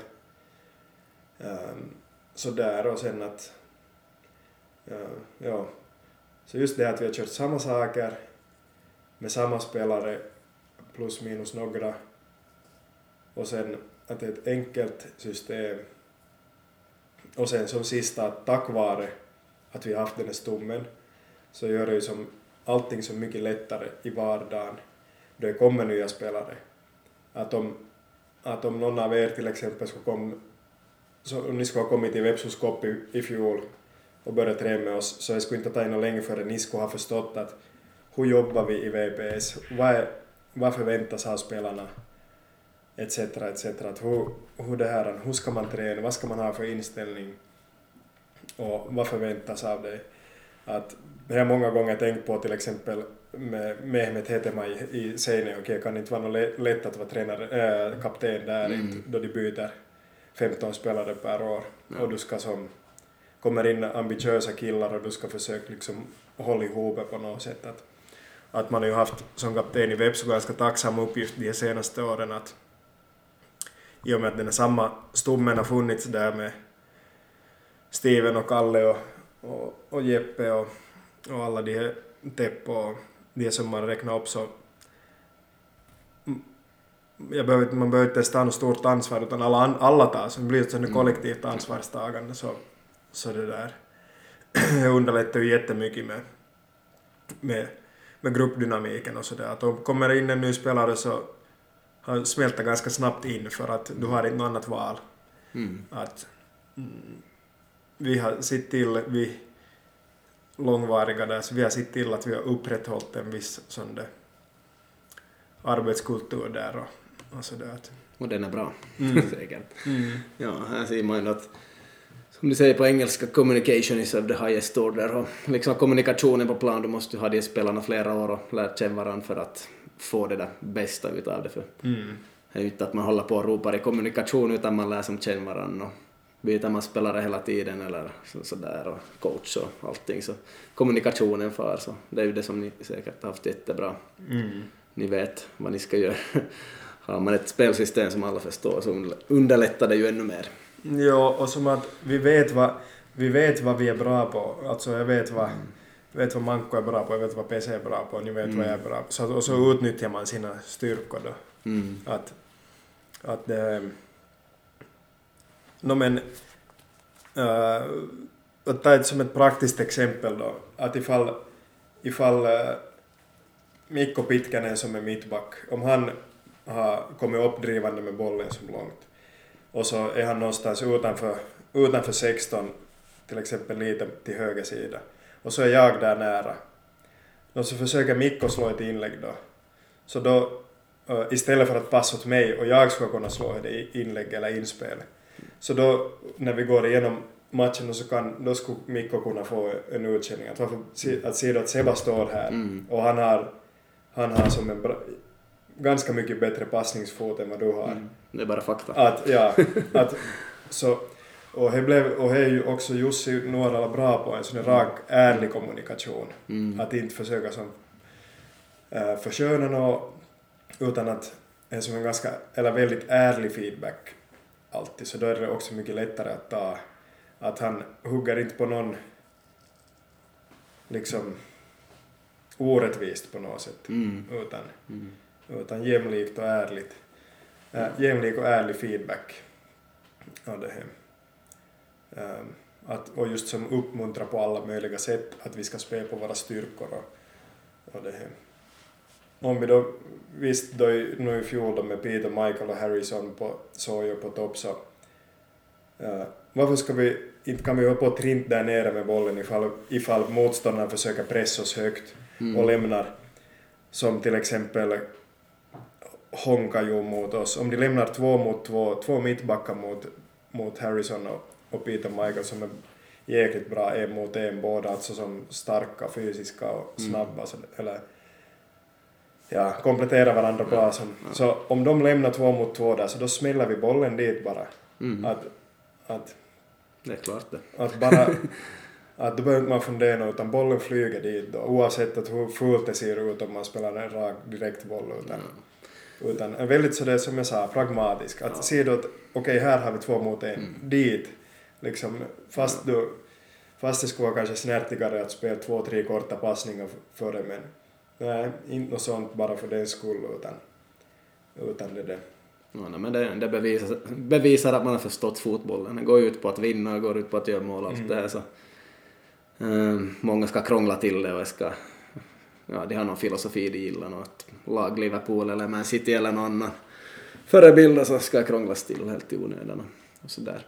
Men försvarsspelet, ni spelar med en ganska ovanlig uppställning men inte att jag sitter alla matcher men sitter ganska mycket. Ibland har jag barnen med på matcherna så man ser lite si och så men de har inte kunnat attackera er så mycket centralt skulle jag säga. De hamnar ganska mycket ut på kanterna. Stämmer det? Ja, och egentligen så de som är smartast och de försöker nog mera via kanterna att, att och Okej, nu blir det lite mer då detaljerat men om man tänker då om man spelar mot oss som spelar då egentligen 5-2-1-2 eh, ofta då så kunde vi försvara eh, 5-3-2 eller ibland så föll vi ner till 5-4-1 men om du tänker wingbacksen då på bägge sidor Mm. så om, om du klarar av att spela äh, med både alltså med, med fyrbackslinje då till exempel någon typ av 4-4-2 eller 4-2-3-1 så att du har ytterback och ytter längst ut liksom då du anfaller. Så om du klarar av att överlag spela med fyrbackslinje mot oss så då kan de ofta som utnyttja att spela två, två mot en mot vår wi- wingback. Mm. Om du klarar av att, att få liksom isolerade lägen två mot en mot någon av våra wi- wingbacks, till exempel genom ett, snabbt sidbyte då, och att skapa två mot en, så då kan vi få problem. Att det är, äh, men att så därför, är- därför är det som lättare via kanten, för att i mitten finns ändå tre mittbackar och det finns två, åtminstone två sittande äh, innermittfältare framför, framför tre mittbackar, så det är väldigt trångt där. Så det, det, det, då när vi har haft mest problem, vilket nu har varit ganska sällan från, från juni och framåt i år, så, så är ifall, ifall motståndarna klarar av att, att fixa två mot en lägen på, på endera sida. Då. Nog ofta man har sett, Manko kanske kan intyga, man ser att de kommer dit till kanten och så ser de att ja, vi är mot en här och där är mitten är stängt så börjar de spela tillbaka så Mm. säkert hitta någon ny lösning och de, de har nog inte hittat några lösningar tycker jag på den här långa vinnarstreaken ni har haft. Ja, och vi har ju, det måste man säga också från, från förra året till i år, så satte vi mycket fokus överlag på he- hela, hela försvarsspelet som helhet.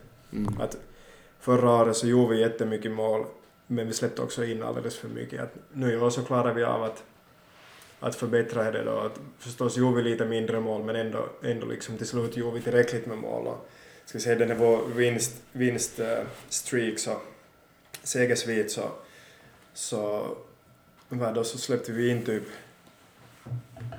åtta mål på 15 matcher eller något, så vi var helt sinnessjukt bra. Ja. Och totalt, totalt så blev vi då under ett mål per match som vi släppte in. Jag tror vi släppte in eh, 26 mål på 27 matcher tror jag. Om inte jag minns helt fel. Mm. Mm. Och om du har under ett insläppt per match så då ligger du ganska högt i serien ofta.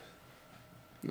Men ni har jobbat mycket bra och att de värvningarna lyckas är ju nice och, och det är ju knappast super super dyra heller som någon tänker ja men de har köpt en massa dyrt att är därför de lyckas är ju nog det hårda jobbet ni har gjort. Börjar ni försvara mindre det där 5-4-1, det där, äh, om det är de där anfallarna som faller ner och Kympipaikan lämnar upp? Nej, det, nej, eller vem, vem en är det som far? en anfallare En anfallare, ja, Ja. För att just ibland, jag minns inte om det var förra säsongen eller början på det här så kändes det just så att det var lite långt att det kom upp sen när man hade det 5-4-1 att det där... Ja, jag alltså minns så- inte att var det så att ni hamnade mera i det nu i början, eller var det förra som 2022? Nej, nu ham- nej, i år hamnar vi I, också... I början Ja, kanske mera, Ja. eller? Ja, i början. Och hela tiden har nog tanken varit sådär att, att det är helt okej att vi hamnar dit lågt ner då, att vi stannar där ett tag. Men hela tiden, så- alltså principen är att hela tiden så ska vi kika efter lägen, när kan man Ja. börja lägga Ja. press och liksom få dem, Ja. få dem att de börjar spela hemåt ända typ till egen målke eller att vi kan lägga press på dem. Och det börjar ju som egentligen funka bara bättre och bättre. Att hela tiden har nog tanken varit så. Ja. Att, att det är helt okej att fall ner, men man ska inte bara som vara nöjd att Nej. röra sig i ett block Nej, där. nej. Utan direkt det kommer ett läge, till exempel en, en lite dålig studsande passning eller, eller passning på fel fot eller något sånt, så direkt då ska man, då, då ska första killen reagera och resten förstås också därefter då, så att man kan flytta upp sina, sina linjer igen och, och få press på bollhållaren.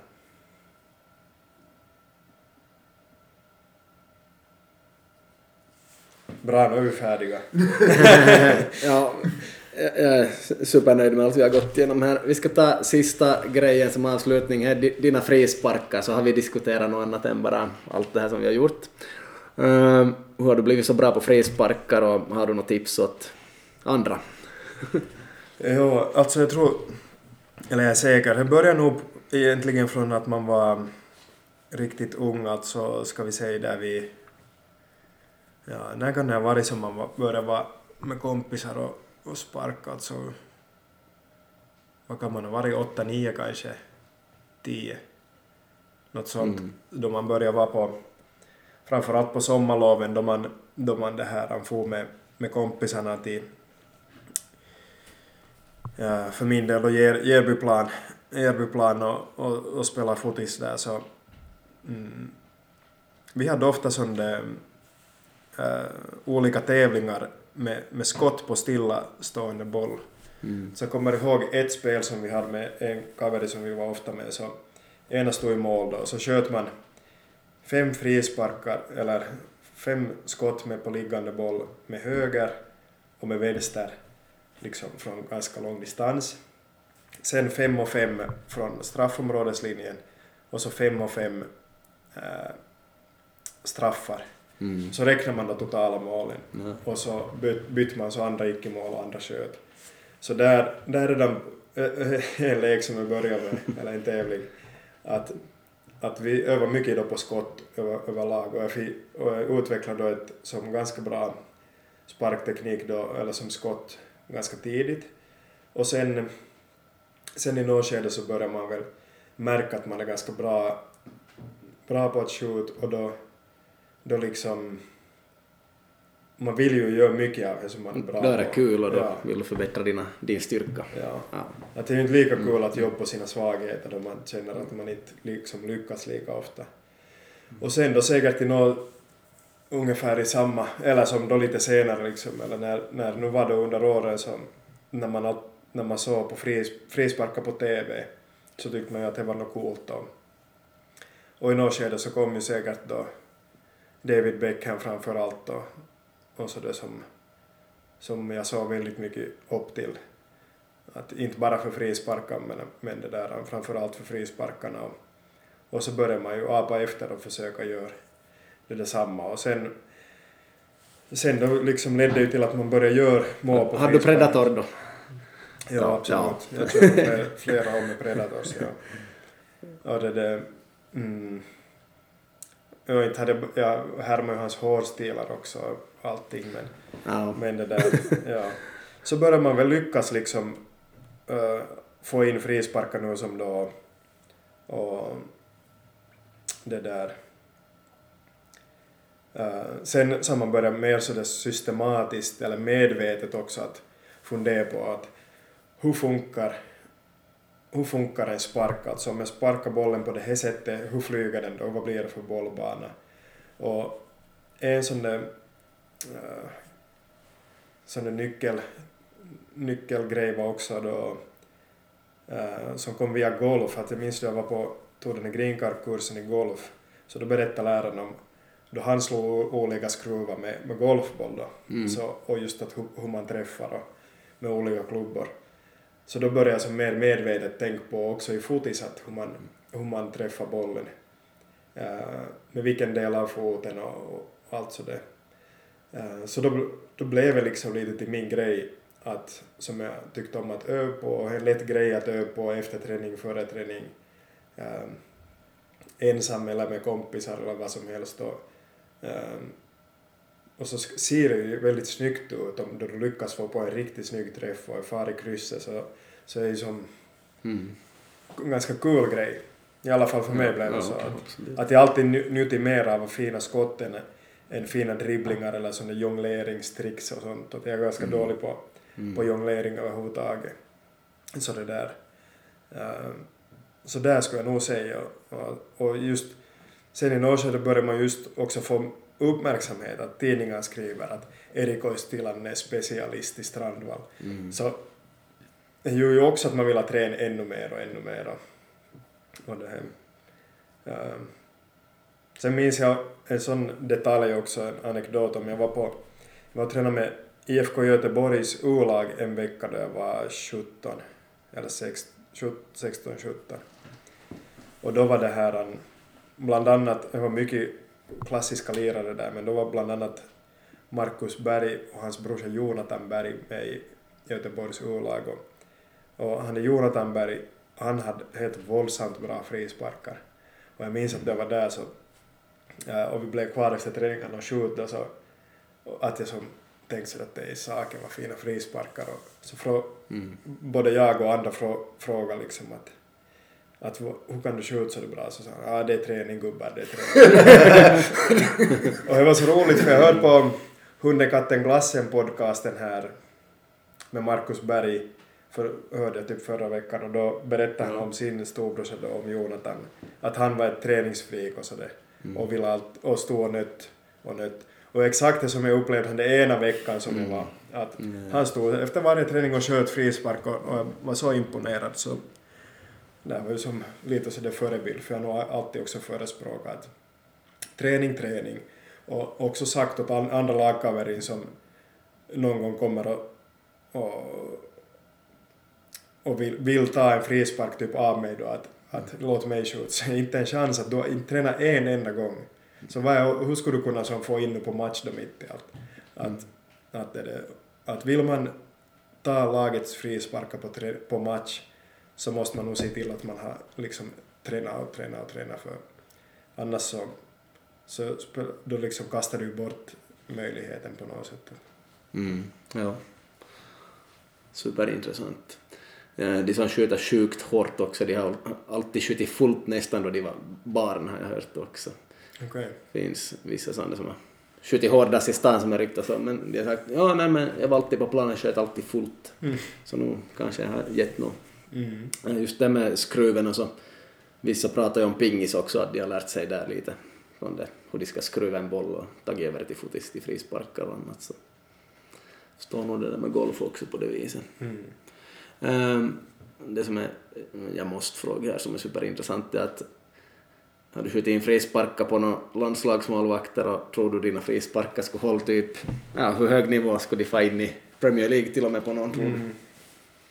Har du någon aning? No, Paradecki har ju garanterat någon gång för han har varit på någon landslagssamling med för länge sedan men men det där eh, mm, ja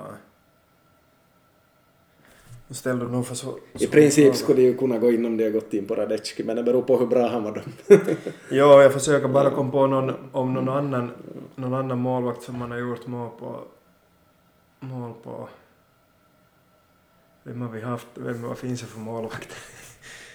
Inte det väl varit, det har ju varit, jag tycker Luke har varit så länge nu redan i, i finska landslaget. Och så det. Men det där, men alltså för att svara på hur mina frisparkar skulle hålla sig i, i någon annan serie så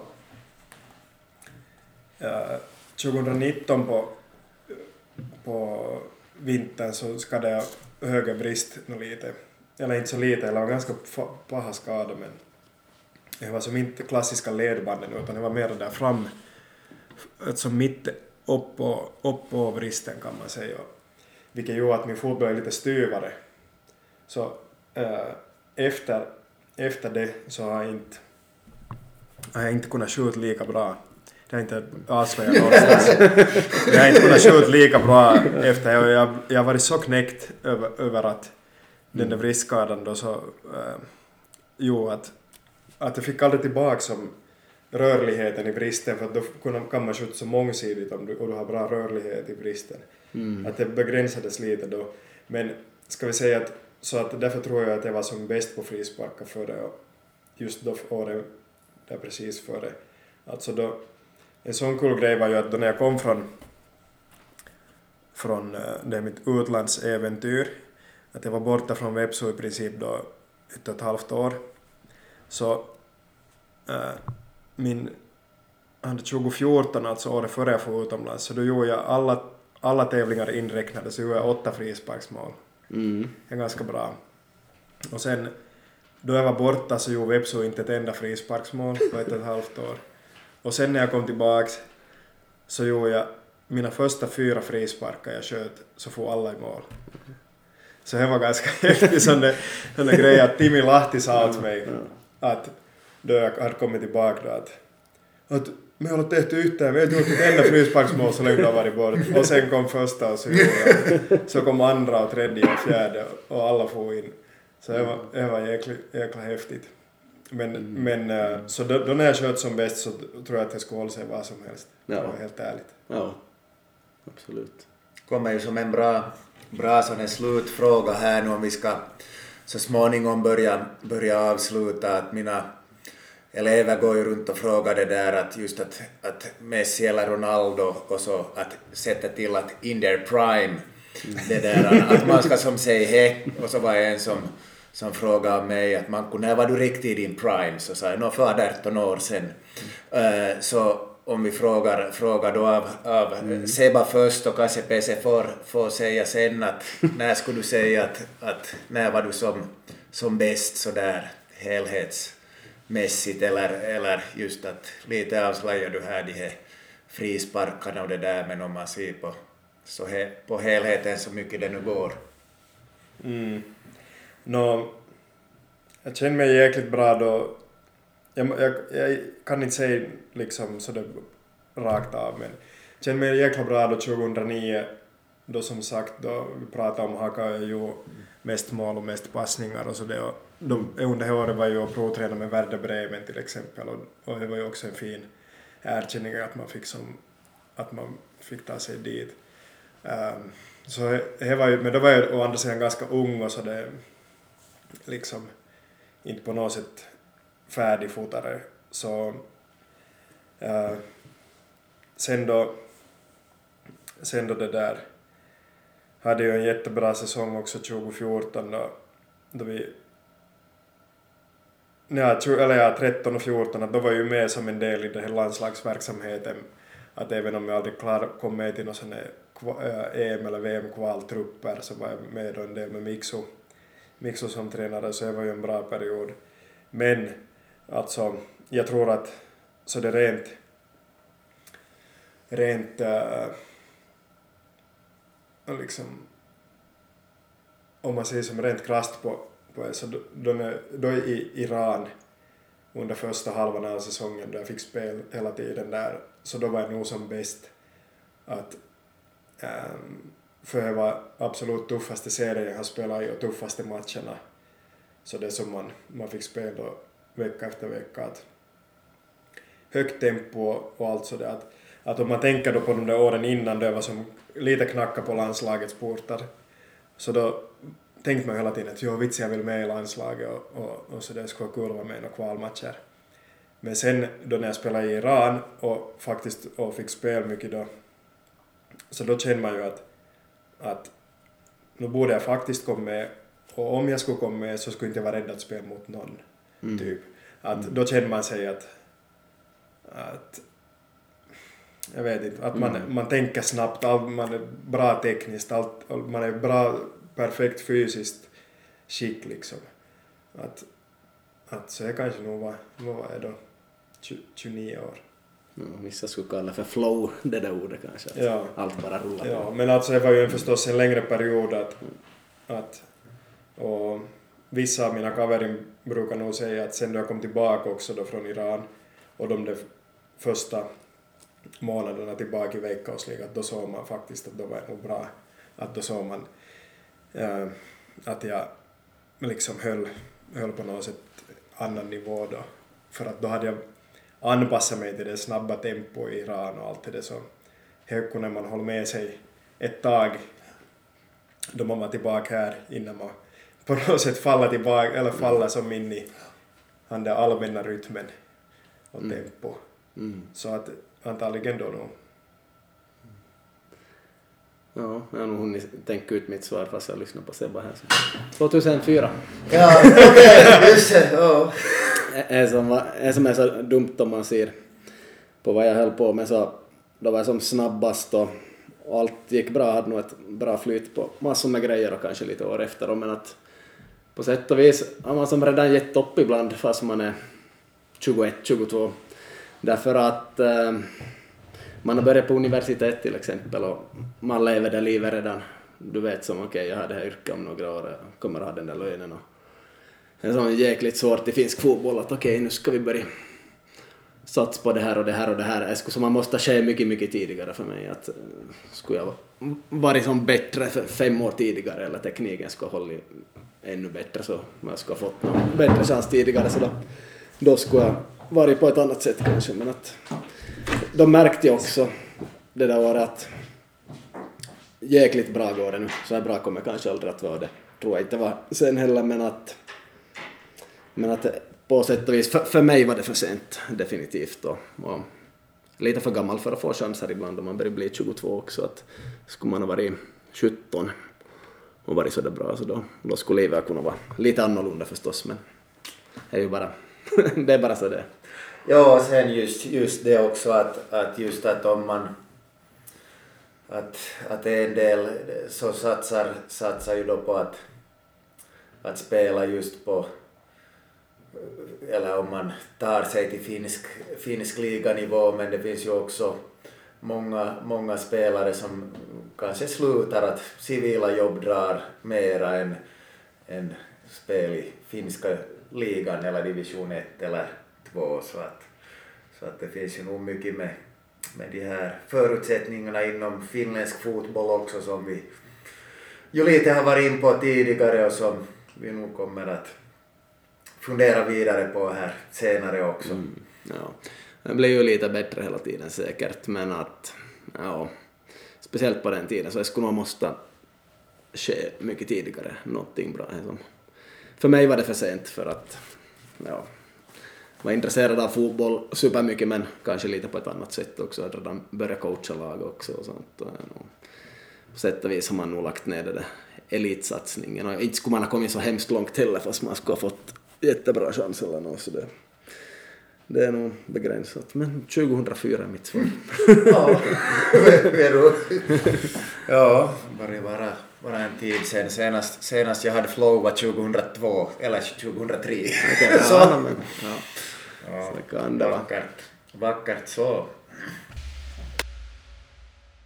Yes, vi har spenderat en lång kväll här vid Vasa Sports Club i ett styrelseutrymme som vi sitter i och Sebba har gjort ett otroligt bra jobb här ikväll och vi har mest suttit och nickat och sagt mm och, och lite så här varit superintresserade och ganska tysta. Eller vad tycker du Manko? Ja, jag tycker att, att just att om man ser på, på vår, vår poddverksamhet de här senaste åren så, så det här håller ju nog högsta klass med hästlängder att det behöver vi inte diskutera ens. Mm. Absolut. Vi hann inte gå in på så mycket fotis, fotis att äh, sånt som vi annars funderar mycket på här i podden så det skulle vara intressant någon annan gång i framtiden.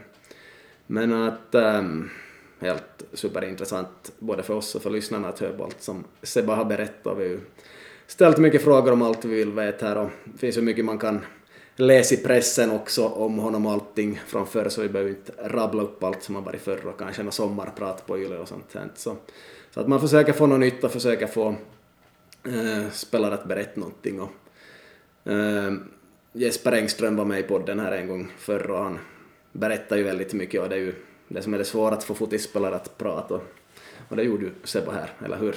Verkligen, verkligen. Så, ja, hur har det känts Sebba att sitta här med oss galningar? det är riktigt bra nu det här. Han lite märka att man blir torr i halsen nu alltså. Men ja, när Manko skickade körschema här före så och han hade pratat om 30 till 45 minuter så skrev jag då på skoj att det tar fem timmar. att det, nej men jag visste nog med mig själv för jag pratar nog också så mycket för att det är ju kul förstås att prata om fotis, fotis och annars också i intervjuer så brukar mina svar bli ganska långa och sådär att, att jag får tacka för att ni orkar, orkar höra på mig att det ja, tyvärr är man är dålig på att berätta saker kort, kortfattat. ja, nej men det har varit superintressant. Vi är ju inte ikapp det här VVVK ännu, fast vi har spelat in över två timmar. Det brukar vara lite längre nu. Ja, nej men tusen tack Sebba, det var guld värt för oss och säkert för alla som lyssnar. Kyllä, kyllä. Ja, tack ska ni ha gubbar. Kör vidare.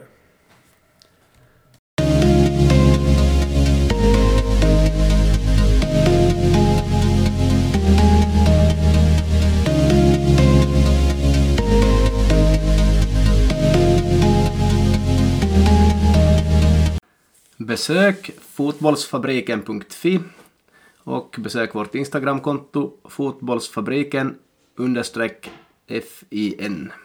På vår webbsida kan ni se vem vi samarbetar med. Vi har väldigt bra samarbetspartners, bland annat Folkhälsan Utbildning AB som är en ny samarbetspartner och en annan ny samarbetspartner är Kristoff Trejer AB.